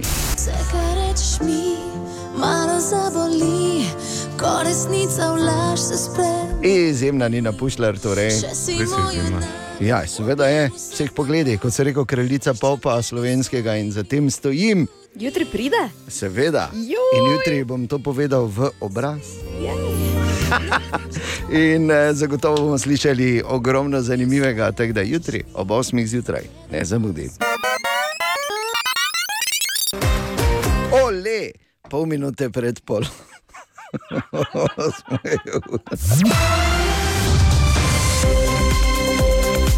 V novinarski redakciji z aktualnimi novicami pa Bor Grajner. Imamo novo, zdaj da gremo bolj v rutino, pozdrave. Tako mi je bilo, veš, to matador v meni se je prebudil. Vprašam, se, lahko vsi poskusimo. Pika, da je ne. no. Okej, povej. Oli in dobro jutro. O, Tine! Ja, Tine, dobro jutro. Ole. Ja, Ole. ravno sem pozdravi ga. Ja. Matadorja. Torej, Tine je bolj pikador, bi jaz rekel. Ne, A ne vseeno, veš, ta, natančen pa. Kak te ti veš, kaj je Tine? Ja. Ne, veš, to Jaz se nisem, a ne. ne. To sem zdaj robo v sredo zjutraj, da mi bo reče, da sem pikado. Apropo, imam pa eno vprašanje za te Tine. Se spomniš, kdaj si rekel to? Dajčman, ali? Jaz bi rekel, da je, bil, eh, da je bilo zadnje Martinov. ja. Ne to, Martinovo zadnje, ko. Ker dajč Par ima let bilo nazaj. ne? Ne vem. Ja, na tem ti zagotovo ni mogel, ja, ker smo iskali. Ker- ker- Iskali Ja, smo sem ga, jaz iskali ga smo. Jaz sem ga iskal, ga iskal sem ga 4 ure. Ja, Pa vsi vemo, kako se je končalo. Res je. Dajčman se najde, ti pa si se zgubil. Tudi to je res. Ne, se problem veš med vsemi tistimi sej. Torej, Tine, Tine mu je pomagal pospraviti. pol. kaj boš rekel danes? E, jaz bom samo rekel za začetek, da sem včeraj e, protestno proti temu vremenu, pa imam rad zimo, pa sneg, samo to je vse skupaj en drek. Ne? Ja, kot se reče. E, Rekel, Dajčman, ali? ne, ni bilo. ni bilo to. Dobro. Kak, kak Proba je jezen glas, pa daj še- daj- še enkrat zavrti. Dajčman, tak- ali? Komand, Ja, jezni, kom, komanda je to, ne, ne, Ja, to veš, ko imaš- odločnost. Sedem minut prazno, že? Eh? Ja. Daj. Torej, jaz sem včeraj Da sem protestno. Si, uh, zimsko dišavo menjal, tako da mi zdaj v bajti diši po uh, spring breezu. Uh, to ti je dober. Ja, To ti je dober, ne? Mislim, lepo diši. Res lahko je. priješ voha. Vse, kar lahko rečem, je. Dajčman, ali? Tako. Tako. Uh, in še zanimivo, hitro, zato sem pač tu. Ne? Jaz zdaj ne vem, zdaj me ne me za besedo držati, ker nisem bil tam. Dobro. Če je bil kdo v Parizu, od tu lahko mogoče potrdi, Ja, še ne. dvomim. Jaz sem pa bila. No, te pa, bo, te bosta pa vidva potrdila, v Parizu je samo en stop znak. In to v 16. okrožju. Ne bi mogla Ja, zdaj jaz ga videl, da, nisem, ne, ne morem Ja. potrditi, da je en stop znak. da smo stop Ali- znake iskala. ni. Ne, ne vem, nisma, za nas smo ločeno šla in ko sem jaz šel, nekaj Si se po krožišču vozil, se spomnimo. Ja, in goltal cele hruške. So avti Polo zrukani, vozi vsi so bili, tam se, tam, tam se je parkiral, tako da en v drugem noter rukajo. To, to je bilo meni katastrofa. Ne, to si se ti ruka, drugi se ne ruka. Ne, on se je počutil tako doma. Tam, tam si narediš malo placa. Zdaj, Bor, tudi če bi sedem stop znakov bilo, jaz ne zaupam tebi, kar se prometa tiče, se globoko prečujem. Ja. Tako da, eh, to, kaj ti rečeš, da nisi videl, to še, še ne pomeni. Ne? Ja, to, to Ker je ti res, si ja. tudi se ravno skozi križišče, lahko pelo, pa si rekel, zakaj to tu pa ne rečeš, da bi nekaj križišča. Ko se to ti tako vozi, če pa le gre ravno. Lega gre ravno, pa tu je prej. le ta velika stavba, tako lepa luknja je na sredini. Se Tu se jaz peljem. Zakaj bi se vozil v krogu, pa gautal cele hruške? Valjda, Če je cesta, gremo skozi. kaj zdaj? Ja, sad ni rekel. Tako da ja, ja fino. Šonzelize, kaj to pomeni sploh, ne? Kaj gremo? Ja, ker ni šans, ampak je šans. Šans. CHAMPS, ne? Šans. Šans. Je stari parižani rečejo šans, ne? Medtem ko govtajo cele hruške.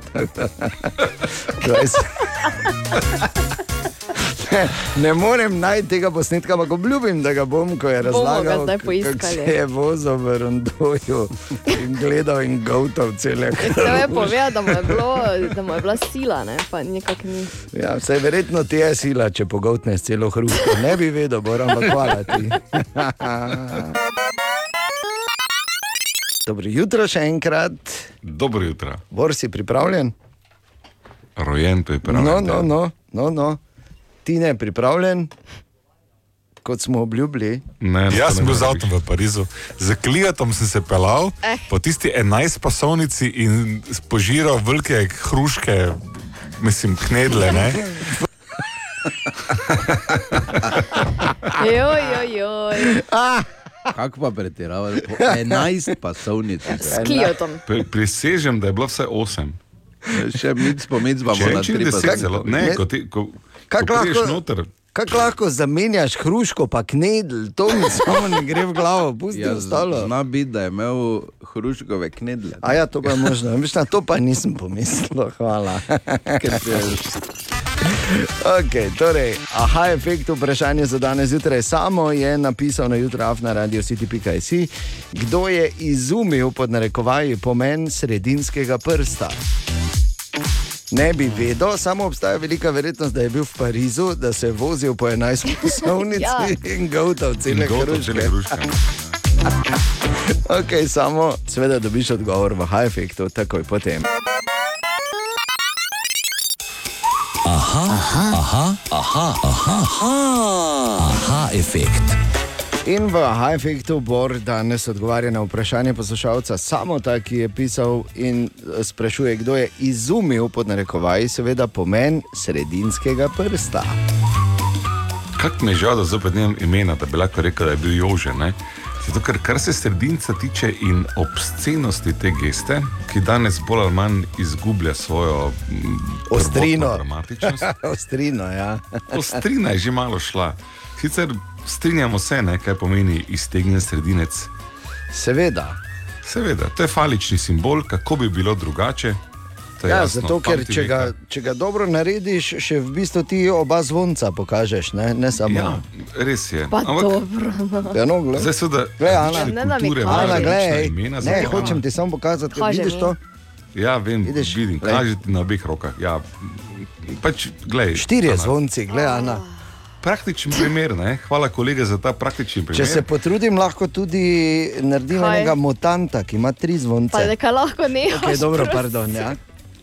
Bor? V vsakem primeru ne vemo, v kateri kulturi se je to prej rodilo. Vemo, da že od zmeraj, že stoletja, že pred našim štetjem so uporabljali gesto. Zdaj, v različnih kulturah ima ta gesta različne eh, nazive in imena. Američani so recimo zanimivi za svojim flipping the bird. Pa tudi zato, ne, ker v Ameriko vse to vemo, so tja to prinesli Italijani. Bilo bi krivično Italijane za okriviti, ker vemo, da se z, skozi zgodovino v večjih kulturah to hkrati pojavlja, ampak pravijo, da so Rimljani bili kar um, pridni pri uporabi tega. Da ne tukaj zdaj pozabimo na Angleže, ki poznate vi ta znak, ki ga z V naredijo. Ne? Če ja. je palec, oziroma če je dlan obrnjena k tebi, je to drugi znak, kot če je dlan obrnjena k sebi. Ker je dlan obrnjena navzven pomeni zmago, dlan obrnjena navznoter pa pomeni, pazi za to, ne angliško razlago, dva falična simbola hkrati. double the pleasure, double the fun. Ja, ja. Da bi te dva, Da naj te dva. dva, ne, se pravi, dupli, lančando lucello, kot ne bi temu rekli italijani. Lepo. Ali tudi vi pogosto totavate v temi? Aha efekt, da boste vedeli več. Torej, danes uh, je danes končno, ne sneži, končno ni nekih padavin več in počasi bodo lahko uredili tudi do konca vse, vse proge na pohorju, kjer uh, bo pred prihajajočimi počitnicami in med uh, res fenomenalna smuka, zagotovo in o smučanju in na svetih uh, za smučanje v teh dneh. Govorimo s športnim pedagogom Filozofske fakultete Univerze v Mariboru in enim izmed največjih strokovnjakov za smučanje v našem mestu, Petrom Sitarjem. Torej, veliko smo že zanimivega povedali, morda še, morda pa zdaj, kaj je priporočljivo narediti, preden začnemo smučati, torej, kako se je najbolje ogreti. Pridemo na smočišče, par let nismo smučali, je ena taka zadrega. Ja, jaz se vedno ogrejem, ponovadi s kakšnim potiskanjem. Ta drsalna tehnika iz teka na smočeh je tudi zelo, zelo uh, lepo izvedljiva. Na alpskih smočeh, par korakov, malo dvignemo temperaturo, par počepov, neka simulacija nekih položajev na smočeh in potem priporočam, ker je to težko, ker je malo časa, zjutraj se vsem mudi, pa najlepše je zjutraj smučati prve vožnje, da začnemo tisto klasično smučarsko ogrevanje s smučanjem. Smučamo bolj počasi, smučamo z večjo amplitudo gibanja, da počasi ogrejemo telo, ciljne mišične skupine in sklepe. Mislim, da o tem smočari pozabljajo, zagotovo si na začetku ne izberemo težje ali najtežje proge, ki je na terenu, poskušamo se nasmučati na eni malo lažji progi in potem odvisno od, od, od znanja, sposobnosti izbiramo teren, kar ni zanemarljivo, kje in kako smučamo. Ne. Ponavadi si ljudje prehitro privoščijo prezahtevno naklonino in potem vse to, kar je v smučanju lepo in dobro, izpade obratno. Ne. Nas je strah, nismo več piloti na smučeh, ampak smo potniki. Skratka, kup enih težav na plavi, nekoliko bolj zahtevna naklonina. Ne. No, to je zanimiva prispodoba. Piloti ali potniki na smočeh. To pomeni zelo preprosto, ali mi vozimo avto ali avto vozi nas. Ne. Zdaj v eh, avtomobilski industriji bo prišel čas, kjer se bo to relativno hitro zgodilo ali se že dogaja. Eh, Na smočeh je pa to, da še vedno vse enako, kot je bilo. Smučamo se z vrha ali spuščamo se v dolino. Višek smučarskega znanja je sposobnost kontrole hitrosti. Na to se je v novodobnem smučanju pozabilo, geometrija smuči je zaslepila, nažalost tudi učitelji smučanja. Ne. Če ne izpelješ zavoja od začetka do konca po robniku, to ni pravo smučanje, ampak to je daleč od resnice. Veste. Vse je na smučeh podobno kot na cesti. Pomembno je, da v drugem delu zavoja, kjer spremenjamo smer, ostanemo na cesti. Po smučarsko to pomeni, da predvidljivo izpeljemo zavoj v smeri, kamor mi želimo priti, ne kamor nas bi smučka zapeljala. In teh potnikov, nažalost, ki jih smuči, pelje po smučišču je preveč. In ko se dva takšna srečata, jasno tudi manevrska sposobnost je zaradi tega bistveno manjša, preveč se je poudaril prenizek položaj, pa samo potiskanje kolen levo-desno, kot da smo roboti. Ne? In to je velik odmik od, od tistega klasičnega smučarskega znanja, ki predstavlja eno dodano vrednost v smislu varnega, predvidljivega, lepega smučanja. Za koga? Najprej za sebe in tudi za vse ostale, ker na smučeh nismo stalni in na smučišču. Ja, hvala lepa, novi super nasveti za smutanje Petra Siterja, ponovno jutri zjutraj. To je naš priljubljen jutranji segment iz Borove špajze.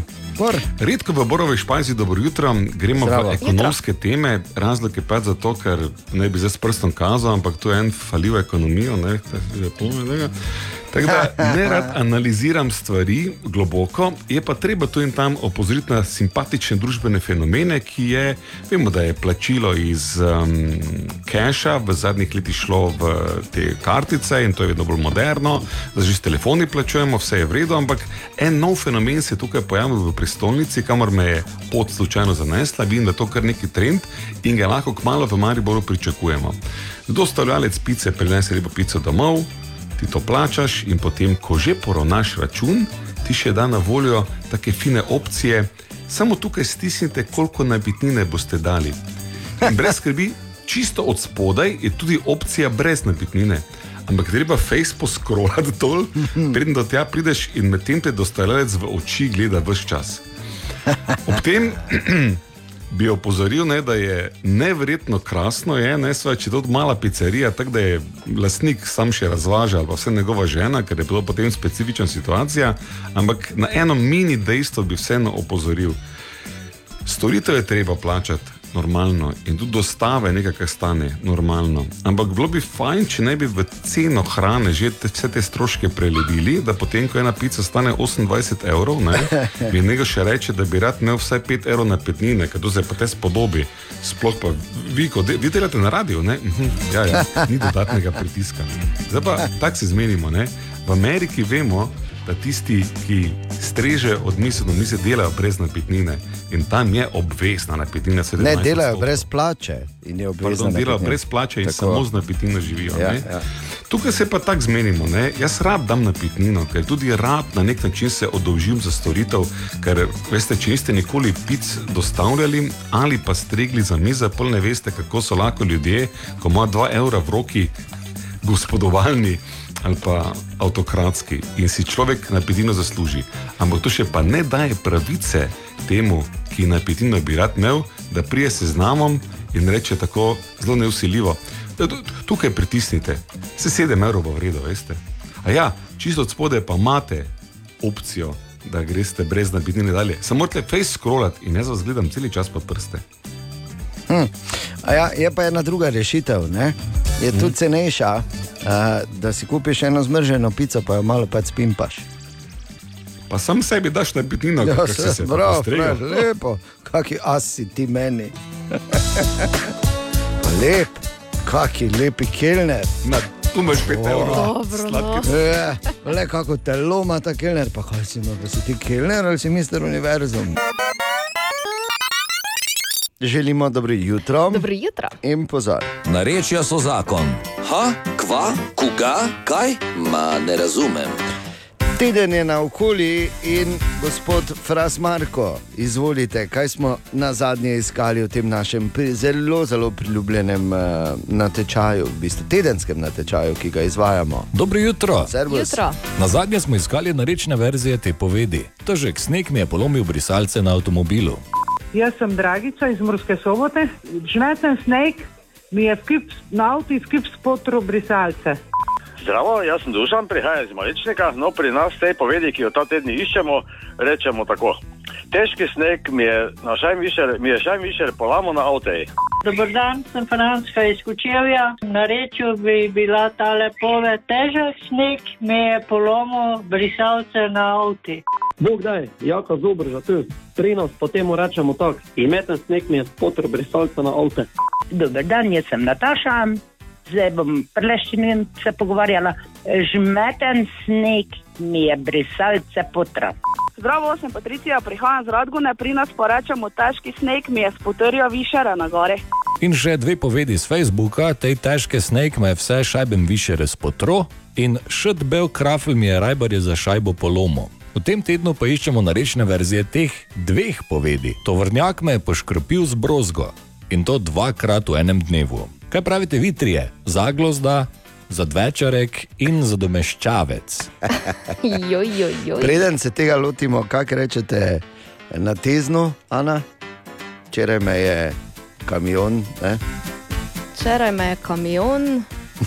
kaj te je? Ja, Pošprico vem. žlufarco in to Ja, dvakrat. Ne vem, ja, Čist preprosto. Je bilo po Mariborsko. Tezno torej. Vse seveda želijo priključiti, tako vedno, ne, in se hvalijo, Eh, da so daj. del mesta, pa vsi vemo, da. Ja, da kaj. Pomemben del, industrijski del. Absolutno, mesta. absolutno. No, ne, pa vidiš, če ki bi avto kupil druge. Točno to. Ne? Kje bi imel toliko pekarn ne, na, Recimo, na tudi. prebivalca, stražun, ker je topla voda. Torej, uh, če za res uh, narečeš so zakon, kako pač ta stavek zveni v tvojem. uh, V tvojem narečju to zanima frasa na naših družbenih omrežjih, to najdeš seveda eh, in pa eh, na servisu 211, sicer pa eh, kaj so že bili ti izrazi, Marko? Zaglozda je zagozda ali pa vejica, zadvečarek je popoldan, zadomeščavec pa je maščevalec. Kaj se mi vse ne naučimo tu, hvala lepa. Ha, koga? Ma ne razumem. Narečja so zakon. Dobro jutro. Dobro jutro. Horizont Men, novi mariborski superjunak. Halo, Horizont Woman. Tako, Horizont Men oziroma Horizont Woman, to je eh, naš novi mariborski superjunak oziroma superjunakinja, ki je sicer, uh, moram reči, uh, naletel na nekaj težav v svojem poslanstvu, kaj dela Horizont Men. Horizont Men seveda uh, uh, reši korilno sezono na trda goriva skupaj s Horizontom in Radijem City nekomu, ki to potrebuje, ker superjunaki vedno pomagajo. Sploh damam, ne, pač to smo super, enaki spoštne. Uh, ob petkih in sobotah delamo. Horizont dosti Men, vas je, ne? ja, ja, Horizont Men pa dela vse skozi in uh, je lahko vsak od nas. Vse, kar moraš narediti, je, da nam poveš, kdo bi potreboval, oziroma po tvoje, komu bi lahko skupaj pomagali s horizontom in uh, mu dali dve toni biobriketov, rešili korilno sezono in to je to. In potem je prišlo slabo vreme. Horizont men smo ugotovili, težko operira, ko je Ko slabo je- vreme. Ja, ko Zato, dežuje ali snežine. Ja, ker ima veliki kamion. Ne? Ja. In mora biti suho. Ja, ker kamion je, kamion je težek, ker je gor dosti biobriket. Ampak zdaj lahko končno čisto za res uh, tudi uh, gremo na teren in smo bili in se vozimo in hodimo in vsak dan skupaj z horizontom. In tako uh, smo včeraj bili tudi pri Aleksandru, skupaj z Juretom iz Horizonta, katerega Aleksandru, katerega Horizontmen je bil njegov prijatelj Danilo. Torej, Danilo Horizontmen, hvala lepa. Tako je zvenelo to včeraj na terenu. Vas je predlagal Danilo Vandur, kaj je to vaš kolega ali v vaš prijatelj? večletni. No, evo, odlično. E, izbrali vas in smo res veseli, no, da lahko dostavo tudi, dostavo tudi opravimo. Ne. To je e, zelo lepo, da, da najdemo e, nekoga, ki, ki lahko pomagamo. No. Najlepša hvala. Nas veseli. Bomo kar razlo, razložili. Ne? Ja, kar tukaj. Ja. Navli čim prej noter. v bistvu. To so dve toni lesnih briketov, to je, nek, to je nekje za 8 metrov drv eh, po korilni vrednosti. Tako da tako je tudi namen akcije, to je zagotovo uh, imate rešeno. Do konca te sezone pa mogoče še kaj bo za drugo leto ostalo. Ne? Znalo bi, ja. Hvala vam še enkrat. Kaj? Ja, in hvala Juretu iz Horizonta, ki je veš, tak vsak super junak, ima svojega. Od poslanca, ne? ne, svojega sidekika, A tako ja. kot ima recimo Batman, ima Robina, ne? Ja, ja. Superman ima pač Lois Lane ne? in tako dalje. Tako imamo mi Jureta iz Horizonta, zelo smo hvaležni. Uh, hvala lepa, Danilo, Danilo, torej Horizont Men, potrjeno, lahko postaneš tudi ti še do konca tedna, se veš, vsi detajli na naših družbenih omrežjih.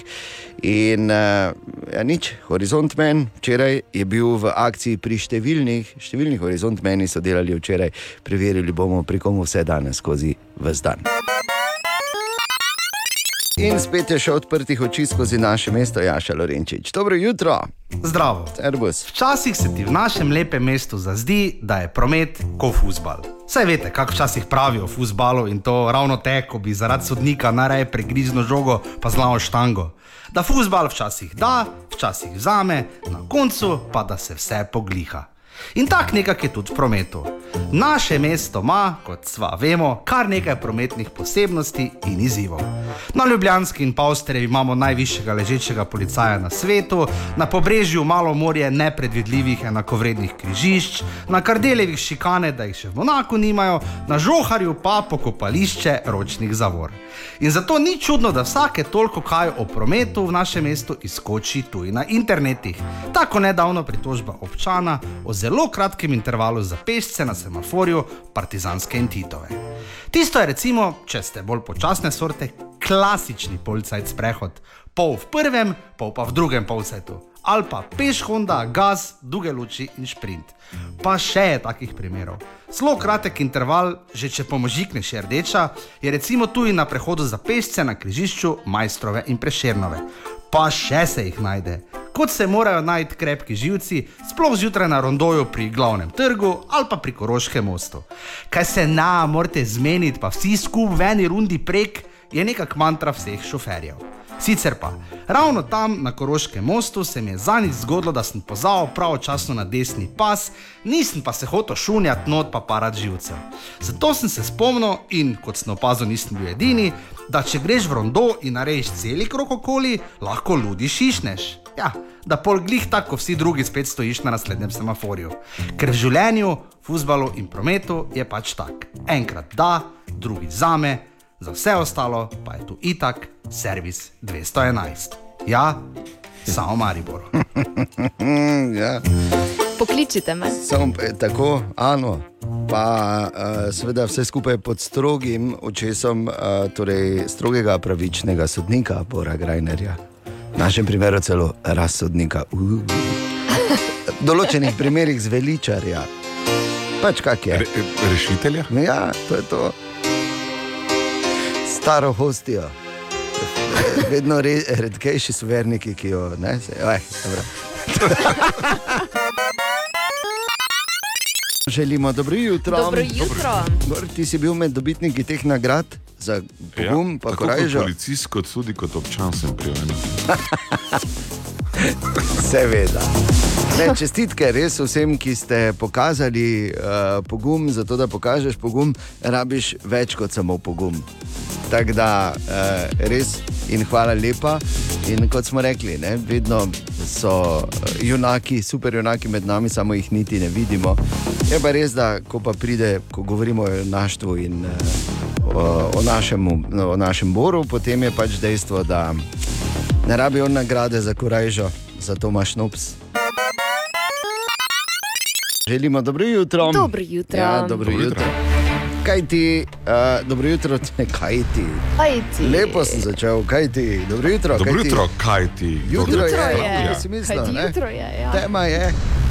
Eh, In zima, Eh, seveda ne samo tu doli, še posebej gori na Pohorju. In eh, zato že vse teden poslušamo izjemno zanimive in uporabne eh, nasvete eh, za vse povezano s tem čudovitim zimskim športom, od športnega pedagoga Filozofske fakultete Univerze v Mariboru, Petra Sitarja, oziroma na kratko profesorja. In eh, profesor, veliko smo že povedali eh, o tem, kako se pripraviti, kakšne smoči, na kaj je treba paziti, kako se je treba segreti, vse to, kaj pa varnost na smočišču. Varnost na smočišču je ena posebna zgodba. Ne? Jaz, če želim biti del prometa, moram narediti izpit za avto ali za motor ali kakorkoli. Kupiti si smočarsko karto ni problem.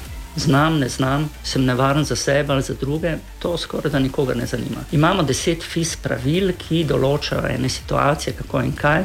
Mogoče je fino izpostaviti tistega, kdo ima prednost. Ne? Podobno kot na cesti, prednost in pravico do svojega smučanja ima vedno smučar, ki je pred nami. Torej se moramo tisti, ki smučamo od zadaj ali prihajamo zadaj, prilagoditi. Ta prilagoditev je pa z ozirom na to, če nismo piloti, smo samo potniki, dosti krat takšna, da nimamo možnosti manevrskega tega spreminjanja, samega manevra, izogibanja in so trki. In ko so se trki začeli dogajati na novih smučeh, četrt stoletja nazaj, se je zgodila smučarska čelada, se včasih je ni bilo. Ne? Ampak še enkrat, smučarska čelada ne odpravlja eh, vzrokov, zmanjšuje posledice. Jaz mislim, da je fino se o vseh stvareh nekje priključiti kakšnemu izobraževanju. Mogoče se jih ciljno manj ponuja, kot sem pa omenil, že eno možnost ob nakupu smuči in tako dalje, bi se lahko en ta znesek lepo zavrtel, da bi ljudje dobili pravilno informacijo, kako in kaj. In potem je seveda tu tudi vprašanje o hitrosti na smočeh. E, vemo, da, uh, da pač so različne preference različnih smočarjev. Eni imajo radi hitreje, mnogi tako zgleda, imajo radi face hitro, kar pa ni nujno sorazmerno s sposobnostmi. Kaj bi recimo priporočal profesor? Doživetje na smočeh je. Tako je več načinov. Ne? Če uh, ostane vas samo pri smutku, pri tej spremembi smeri, je ravno to, ta dražne, ti občutki v spremenjenju smeri. Lahko bi jih primerjali mogoče z vožnjo motorja, ker se nekateri zelo radi nagibajo. Jasno, če se želijo nagibati, morajo imeti veliko hitrost. Veliko hitrost imeti, ker nimamo pri nas teh dirkališč, ne? da bi bili sami na, na cestah, to početje je zelo nevarno. Podobno na smočeh. Če smo sami na smočišču, ok, lahko šimamo ne? in si damo duška. Če so pa drugi smočari, je pa problem. In vse te probleme je potrebno detektirati. Torej, sam zagovarjam in tudi v svojem dolgoletnem delu z najboljšimi smočari sem ravno njim ponujal to ozaveščanje smočanja, začutiti v teh majhnih tranzicijah nekih.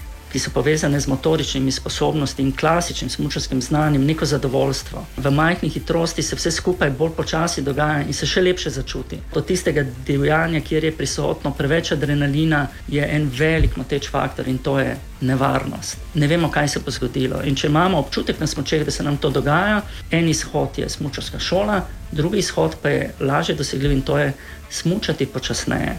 Ena vožnja napravite tako, in če boste videli, da se vam smoči nekako ne želijo pokoriti, ne, da vas kar one nekam peljejo, da ste pri spremembah nesigurni, da se kome izogibate smočarjem, ki so pred vami, je najlepši odgovor, da je naslednjo vožnjo smučati počasneje ali izbrati malo manj zahtevno smočišče. Profesor, hvala lepa še enkrat za te super nasvete. Ponovno jutri zjutraj.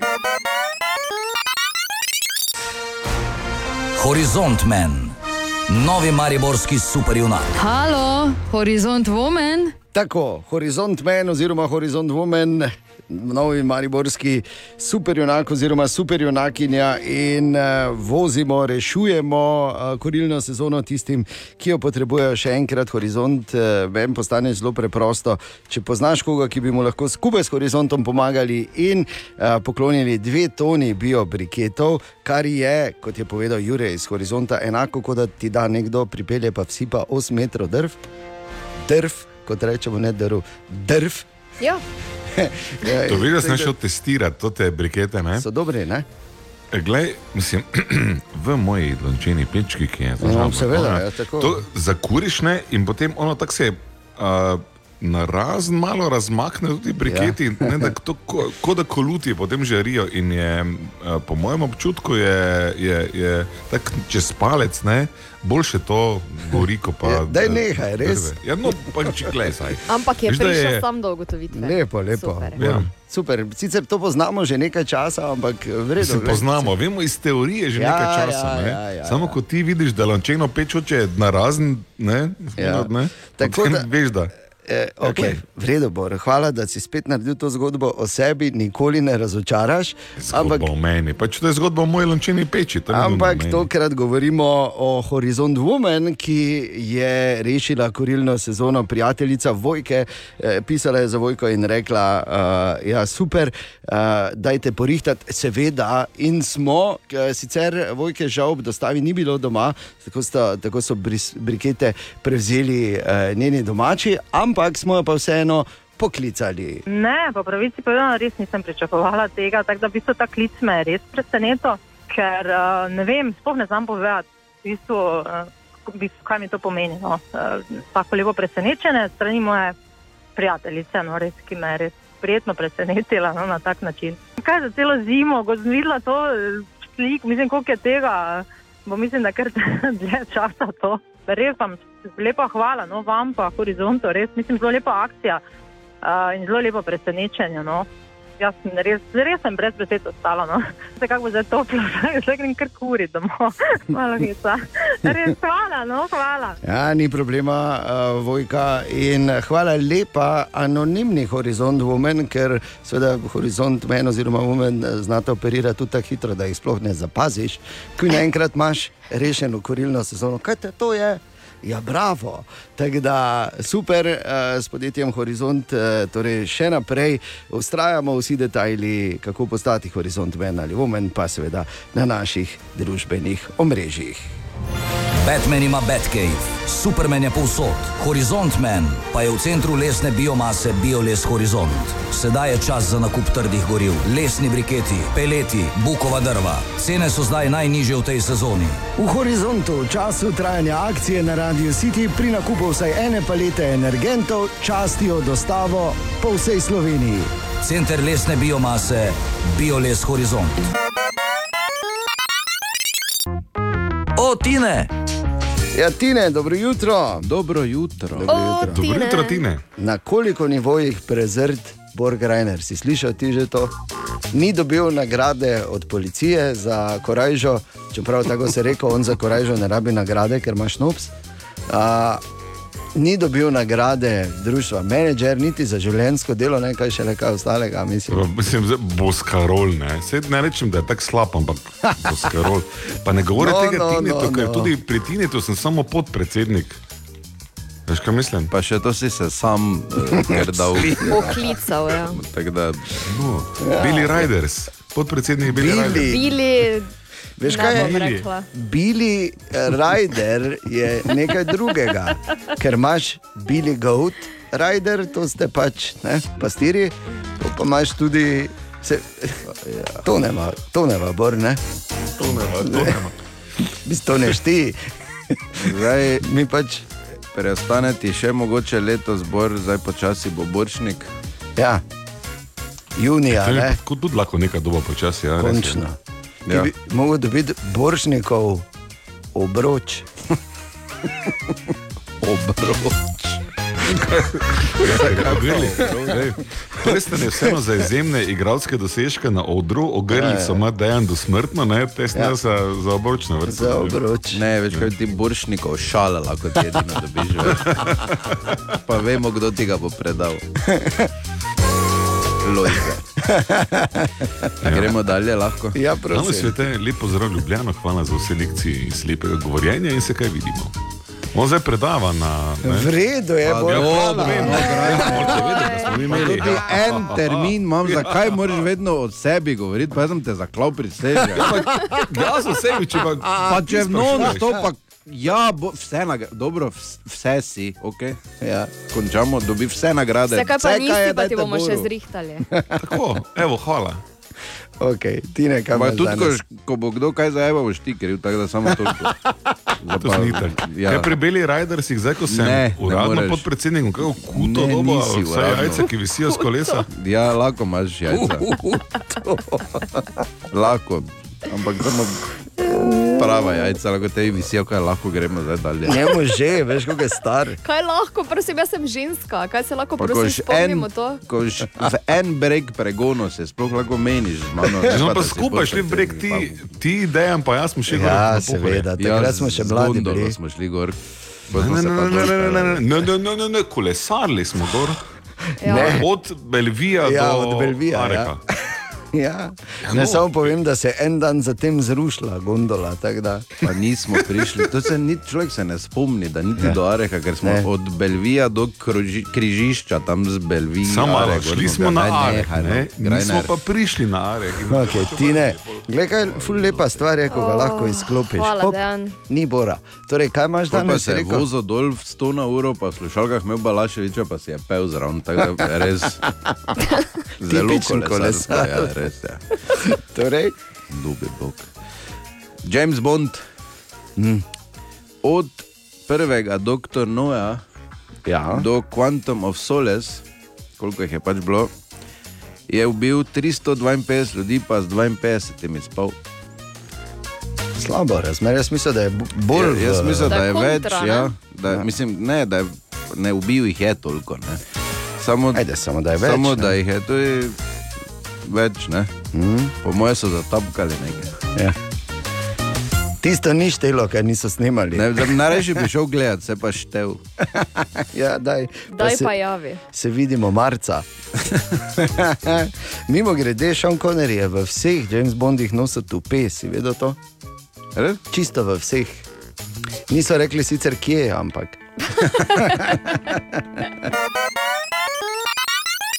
In tu je vprašanje za, uh, za Hajfek danes zjutraj, torej za ta četrtek, 26. januarja. Tokrat imamo vprašanje poslušalca Marjana, ki je pisal na jutro afnaradio.com in sprašuje, zakaj imajo koze brado. Pa dobro, no. Ja, Kaj je narobe s tem? Ja, Kaj je narobe s tem, zakaj ima koze brada ona? Ja, poznaš še kako drugo žival, ki ima brado? Govorimo o živalih ja. na štirih tacah. Ne? ja, te pa ne. Ker vidim, da si to hotela izkoristiti za osnovno Sem, eh, tezensko Ja. šalo. Sem In ali misliš, da se pozrla. vnemar Ana reče, kozi je bradec tistim, ja. ki ima tako kratko špičasto brado? Ja. No, se Ne bi veselimo rekel, odgovora, kozi je bradec, če ne bi koze imele tako brado. Tako. In zakaj imajo koze brado, ali gre za igro evolucije, ali ima to, kot običajno ima pri živalih, kako funkcijo, eh, bo odgovoril Bor v Hajfektu, Tine. E, zdravo, mogoče bi jaz samo dodal še, kdo pa je bil tisti prvi, ki je kozo, kozo gledal. Pa je rekel, jaz bi tudi imel. ne. Le kako ima Pa je lepo. je. prišel k enemu, pa je rekel, čuj, ti bi lahko frizer bil, da mi tako naredi brado. Kaj je to frizer, veš, to je oniko. Pa on je rekel, tu se vsedi, pa uh, idi k onemu, ja. Ja. ko kavo praži, k onemu, ko je pomal za prvi. Ja. Ja. Malo kaj s tem, pa. Pa hkrati je začel ful govoriti o drugih, pa ful šimpa. Tako Da, ampak ja, eh, Marjan, dobiš odgovor. Aha, aha, aha, aha, aha, aha, aha efekt. In danes Bor odgovarja na vprašanje Marjana, ki ga zanima, zakaj imajo koze brado. Bor. Najprej hvala za vprašanje, vemo, kako kozja bradica zgleda, ne? tako malo na špič. Ja, vemo, kako izgleda. ja, ja. Ne, To, kar nismo vedeli, pa, ja, točno tako. To, kar nismo vedeli, pa kako pomembna je kozja bradica za same koze. Mm, edini razlog, zakaj koze imajo brado in jo pazi to tudi negujejo, je zato, da pritegnejo ženske koze. To, kar je zanimivo, Kozli sicer- imajo torej brade, Tako ne? kozli kot koze imajo bradice, ampak samo kozli, to zdaj prije vrhunec te informacije, samo kozli urinirajo na svojo bradico, da s tem še bolj pritegnejo samice v času parjenja. Zakaj? Lepo. Ker imajo kozjo bradico za ta namen, da Ne. pritegnejo. Fino. Ne, ne, vprašala. Ne, tega. ne. ne a, Ampak zagotovo imaš na YouTubu video, pa si poglej. Hvala za odgovor, kolega. Ja, res zanimivo. Vidiš, ne, ne samo Ja. izgled, mora imeti malo več ne, nekega, mora biti malo dinstana, da je prava. Bizarno je. Hvala lepa, Bor. Super, super odgovor. Ali tudi vi pogosto tavate v temi? Aha, efekt, da boste vedeli več. In želimo dobro jutro. Dobro jutro. Dobro jutro. Ja, dobro jutro. Naj samo povem, zdaj, v tem trenutku bi se pravzaprav že morali vsi uh, prav posebej veseliti, uh, pogovarjati, rokovati, morda celo objemati s kraljico našega popa, Nino Pušla. Ampak se ne A, bomo. Tu imam nekaj zapovedati. Ne, jaz. ja, Ja. kar povej. Razloži. Ker povej, zakaj se ne bomo, kljub temu, da smo včeraj vse dan napovedovali, da se bomo, ja. zakaj se ne bomo danes pogovarjali ja. z našo kraljico Tu Popa. imam, tu imam nekaj zapovedati, ampak bi se mogel še malo duhovno pripraviti na ta vstop. Ne, nimaš, ker zdaj povej. Nimam. Ne, ja. Ker povej. Zdaj bo sem. Ja. Absolutno sem bil prepričan, Ana, da smo mi z njim Ana. puščali dogovore. Ja, Ja, Ana, Ana. Ana. Le, ker na nek način je tudi Ana kriva. ne. Torej, Ana, seveda, absolutno sem bil prepričan, seveda da smo mi z njim zmenjeni za danes in sem Da. eno to rekel. In Ja. tudi sem se, ne, potem ko smo se pogovarjali, še trikrat izpostavil, ne, pa četrtek je, pa zmenjeni smo pa vse. Dobro. In polk je dan danes zdaj rekel, kak je pa z Nino, sem rekel, a, moče pa ni slabo, da ji vseeno še pošlje meni SMS, ker malo znano dejstvo je, da Nina in jaz si redno dopisujemo. Ja, seveda. Vsaj dvakrat na leto, po tri, štiri SMS-e. In zadnji je točno tak. Dobro jutro, Nina, dan te pričakuje v studiu ob 8, mene malo boli grlo, bom zraven oddaljeno, tudi eno novo bi zavrteli, imaš še kaj drugi predlog? Bor? Jutri smo dogovorjeni, danes je četrtek. O, Nina, res, pardon, na robe sem razumel, da si slabo zapisal, prosti, bi lahko naredili vse na jutri. Če ti ne bi ob 9 ustrezali, bi potem naredili ob 10 ali pa ob 11 ali ob 20, nobenega problema, vsi te imamo radi, ampak eni ima bolj kratko pamet. Jutri imam že plan narejen, preverim. O, razumem, o, šit, uh, javi, kaj lahko rešim in bom nekaj rešil, po principu sam sem skuhal, sam pojedel, sveže se bom potrudil, vedno te radi vidimo. Poslušaj. In pol ni bilo, čakaj, čakaj, in pol ni bilo nič, nekaj časa, in še nekaj časa, in potem sem že tu malo švicno, in pol 20 minut kasneje, jutri ob 9, torej v petek, za tebe je lahko. Jaz sem samo napisal, zelo hvaležen. Ja. Veš, kako si mi dopisal, ima? Zanima, Lepo si. To je zdaj bil zdaj transkript skriva. aktualnih medijev, to, to ni bilo zdaj izmišljeno, bilo. točno tako je bilo. Tu se postavi. Kako mu ne odgovarja? Zdaj pa Ja. bodi tiho, pa se tu Stoj, postavi. stoj pa daj mir. Aj, pubeci. Bliže, bliže, še bliže, brez straha. Sipaj. Ajde. No. Evo. Tak, dobro, no. posipan s pepelom. Kaj ste nori malo? Naši pubeci so torej na pripravah v Beleku, v Turčiji, včeraj še neodločen izid in eh, dobra pripravljalna tekma proti Slavi Sofije. In seveda tudi danes zjutraj, kot vsak dan iz Beleka, ekskluzivno za nas, Matjaš Almon Šalca. Šalca, zdravo. Šesti dan nas čaka tukaj v Beleku in to šesti dan z soncem obsijan, brez eh, paranormalnih vremenskih pojavov, ki pomenijo seveda padavine. V najslabšem primeru tudi sneg, tako kot lansko leto. No, čisto brez ne gre. Včeraj namreč eh, približno 20 minut pred eh, drugo tekmo z eh, Slavijo iz Sofije nas je malo streslo, namreč 60 km od Antalije je bil epicenter potresa z močjo 4,2 po Richterjevi lestvici in sigurno, da smo ga tudi čutili, ker to je stransko pajtlanje, pač ljudje vedno čutijo, čutili so ga najbolj snemalci na, na stolpu eh, ob igrišču, sicer pa je eh, tekma vse do poškodbe Marka Toliča, ki mm, nas je res malo vrgla z ritma, namreč Marko Tolič je eden tistih eh, vijoličastih igralcev, ki je res bil v, v zadnjih tekmah jesenskega prvenstva zelo dober, eh, tudi na pripravah je dober, eh, si je zvil gležen in zdaj je na ekipi fizioterapeutov, da ga čim prej usposobijo za nadaljne napore, ker je res nepogrešljiv člen eh, te vijoličaste ekipe. Sicer pa brez Martina Mileca, ki je čutil lažje bolečine, eh, brez Uskokoviča, ki je bil standardni branilec, pa Repasa, ki je tudi en pomembni člen v sredini, je Maribor zopet. Do tistega trenutka, ko smo praktično menjali celo ekipo, zgledal zelo dobro, tako da smo res uh, uživali v predstavi in tudi v mojstrovinah Josipa Iličiča in ne na zadnje, kot nas je že navadil in razvadil v golih uh, Žana Vipotnika, namreč uh, zopet je zadev in komentarji nekaterih predstavnikov drugih slovenskih klubov, tudi novinarjev, so vsi v tem stilu. Bilo kaj vdari, gre v gol. Mislim, fajn se počutiš, ko je to igralec tvoje ekipe. Tako kot igralci imamo tudi mi, ki smo spremljajoča ekipa, nepisana pravila na pripravah, ki se jih je treba držati, namreč na zadnje dva tedna živiš tukaj skupaj in kar nekaj prekrškov je eh, naredil naš eh, fotograf Grega, zato smo mu v dnevni plan namestili. eh, Da imajo igralci aktivacijo na plaži ob 7:30 zjutraj, kar je po našem času 5:30, takrat na plaži ni žive duše, tako da je dan zjutraj s fotoaparatom, eh, verjetno celi zatečen, eh, šel na plažo slikati to aktivacijo, tam svoja ni bilo nobenega in jaz se res eh, že zelo veselim, eh, da vidim te fotografije.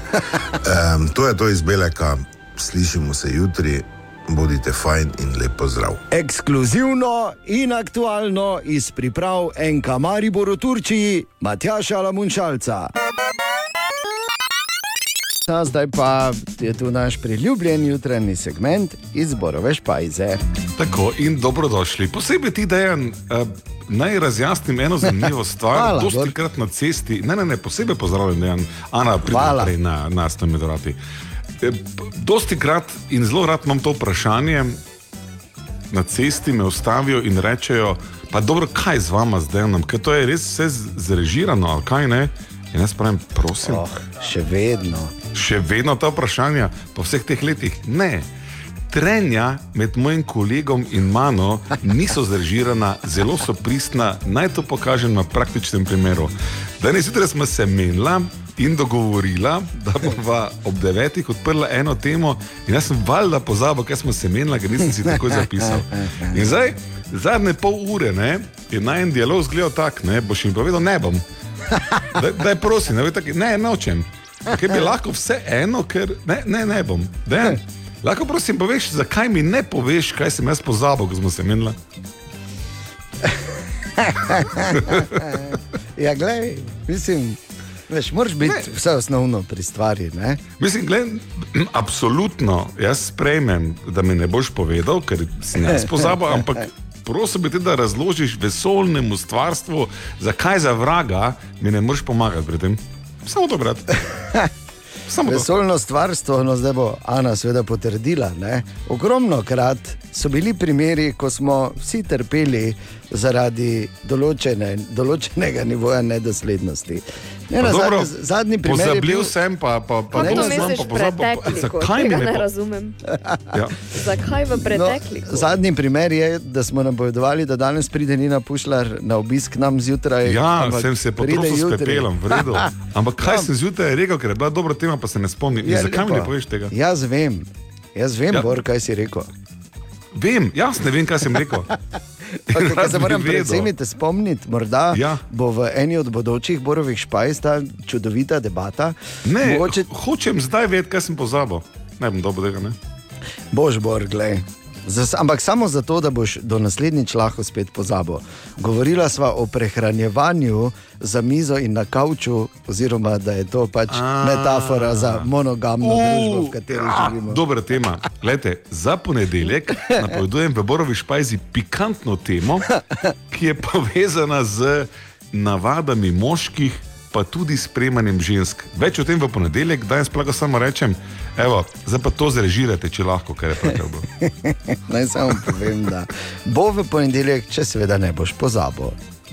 Za Ano zapisal. ne bomo dala denarja, zdaj si ne, gledaj, Ana, sem zapisal. ne bomo. Želimo dobro jutro. Dobro jutro. Na petek 27. januarja, torej, eh, ja, tako rahlo naletava sneg zunaj, tako je prav lepo, veš, tisto, ko pravlično naletava. Ja, je, tako počasi, ko gre, ko prideš, pa pogledaš, ah, se malo, Ja. ker veš od vse te lepote in nežnosti, Mehki se je. malo spremeniš v, v jelenčka, ne, malo zahrzaš, dobiš rdeči nosek, pomigaš z repkom, vržeš tri bobeke. To pač. Ker jeleni delajo, pol pa se vsedeš v avto, pa se hitro spremeniš v druge sorte žival. tako Da, eh, previdno v vsakem primeru ni tako, da bi eh, se prijemalo, in tudi če prideš ven, pa vidiš oh, beli avto.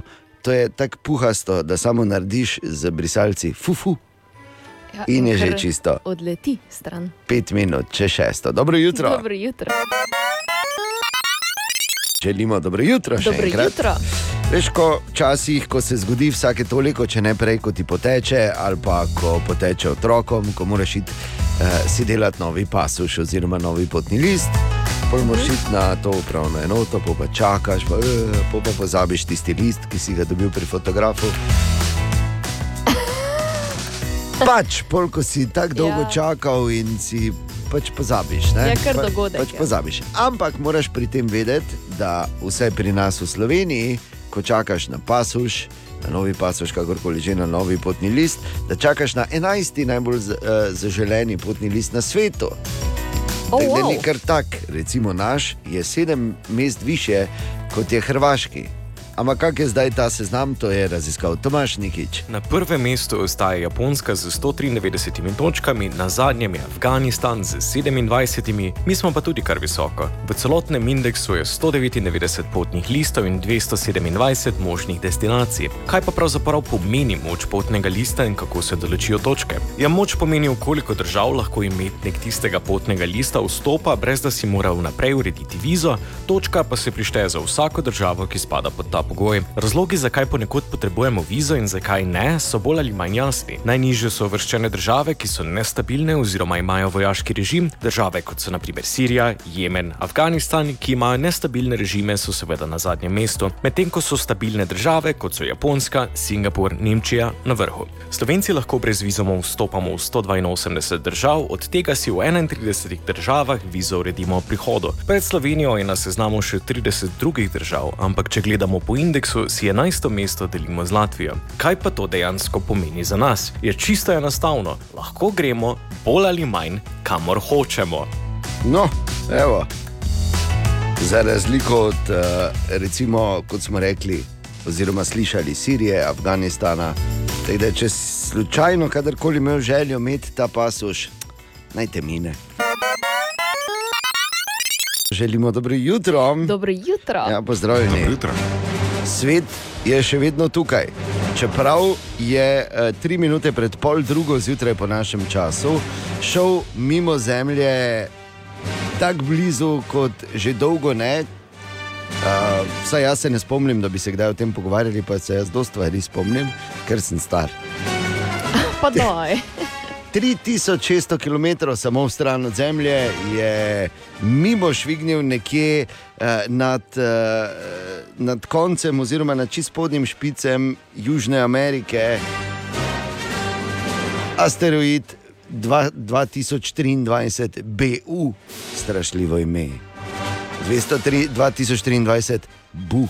Ja. bil asteroid, uh, ki je šel res tako blizu, ampak uh, kot so seveda napovedali strokovnjaki, resne nevarnosti za Zemljo ni bilo, kajti imel je le do 8 metrov premjera, kar pomeni, če bi vstopil v našo atmosfero, bi seveda zgorel in bi kot ognjena krogla šel samo čez nebo in uh, ne bi bilo nobene, nobene škode. Ampak se veš, nikoli ne veš.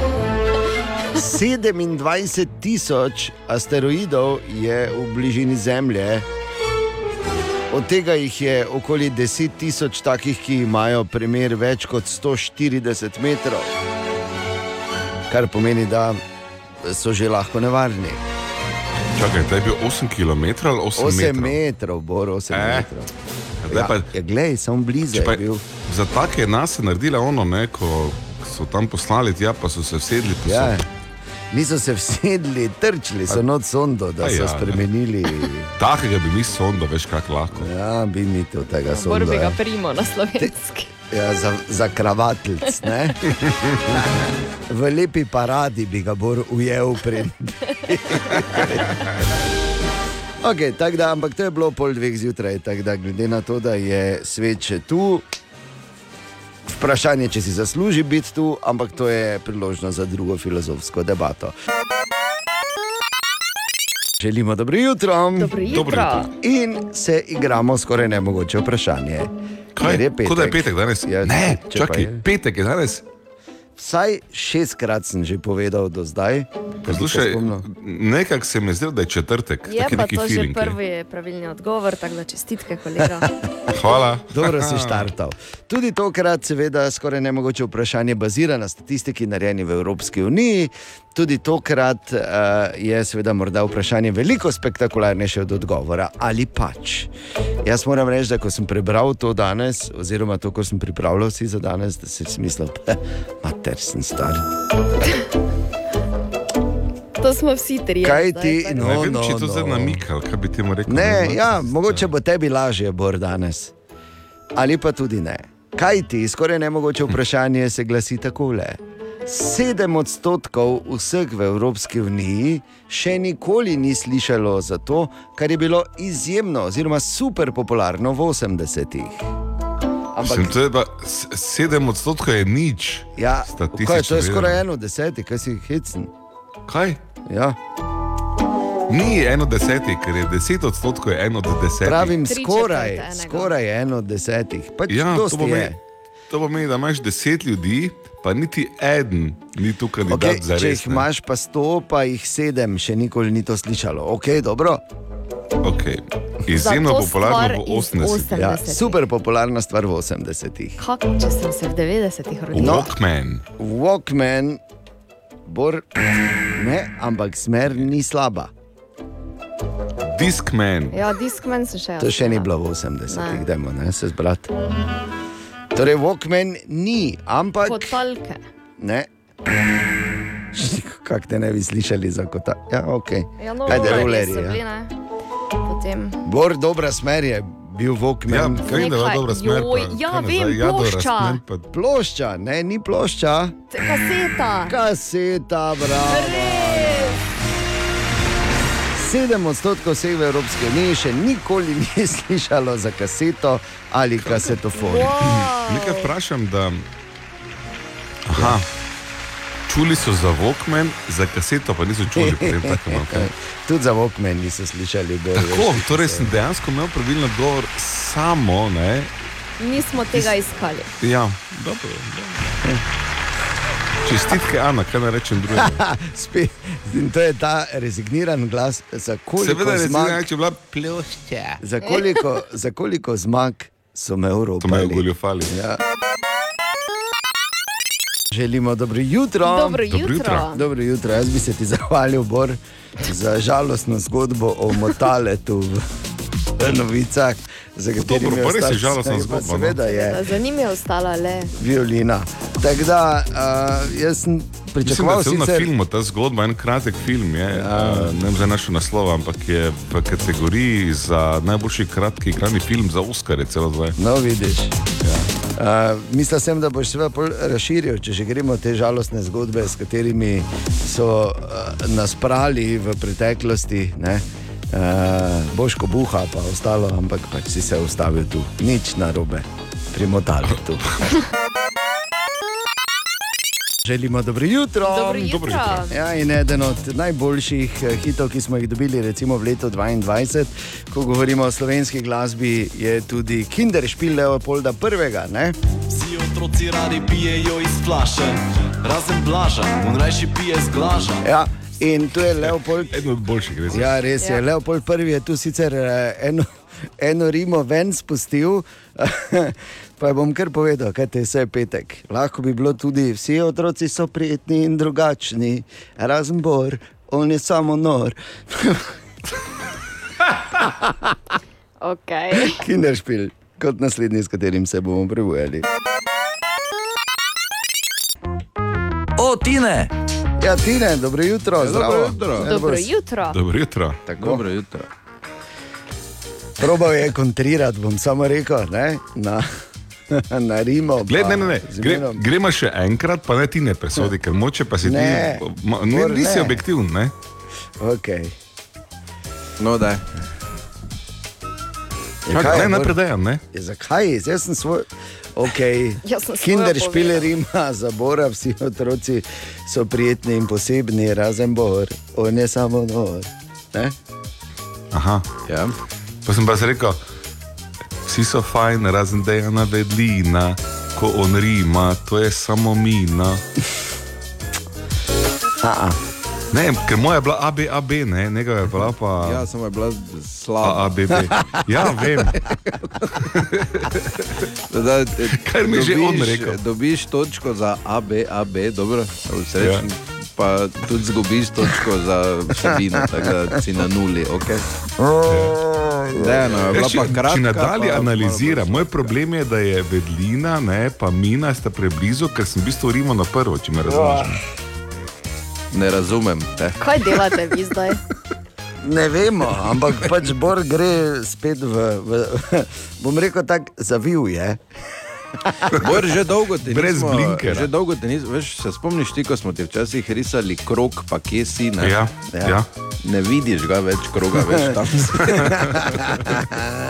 To, to To je, to, je, to je anekdota, ki je skoraj zapovedati. Ne? Torej, v zgodnih časih reporterja Milana, ko so se fanti že etablirali, ne? jaz sem pa seveda bil že uh, odzmeraj v tej, kako bi temu rekel, umetniški sceni visoko cenjen.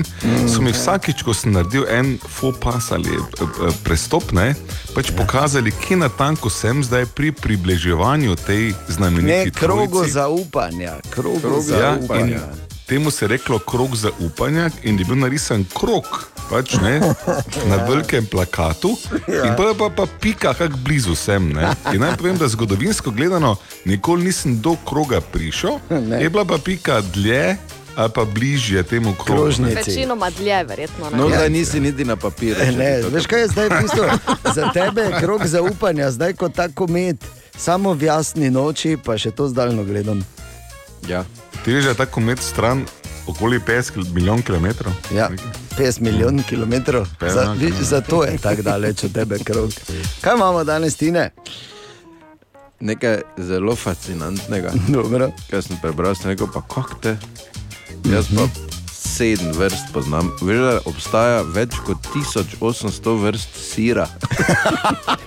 Jaz imam tu eno drugo vprašanje. Zakaj se nikoli ne zgodi, da bi ga nekdo na radiju pozabil, ko ga jaz nimam? To sem si danes Sira, zjutraj se, se še vedno ja. o siru pogovarjamo. Ne? Sir, ja, sir, sir. Kdo- Zato, ker sira se ne pozablja.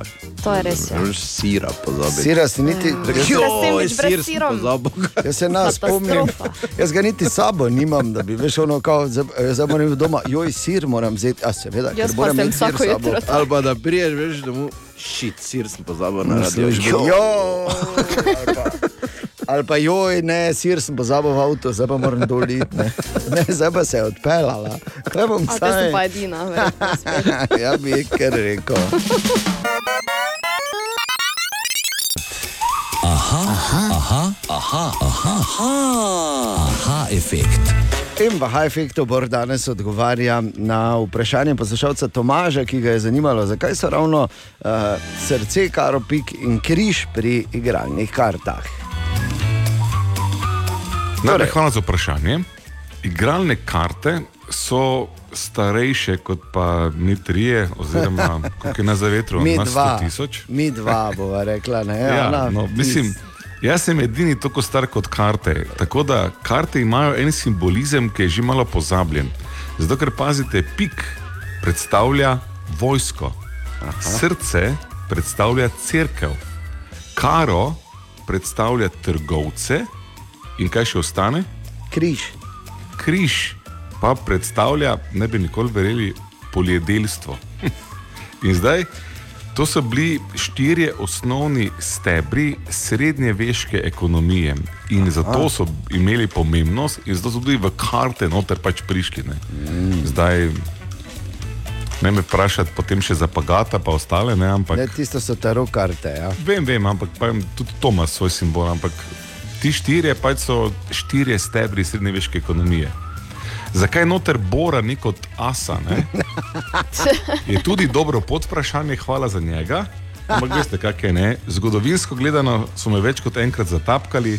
Prvič že dan, ko sem jim ribe vun nalovil, pa so jedli, pol pa je ovi bil, ne vse. Ampak, tako to je, ne. Ja, Človek pa- dela dobro in lahko samo upa, ne, da se bo sam nagradil, ker drugi tako ne bodo. Pa ko si pod gladino tauhal, da je izgledalo, kot da hodi. Ne? Ja. Vse to, razumem te. Kaj je težko, vi stava. pogosto Ja, ja. v temi. Aha, efekt, da boste vedeli več. Dobra, mali in stari. Podcast jutranje ekipe.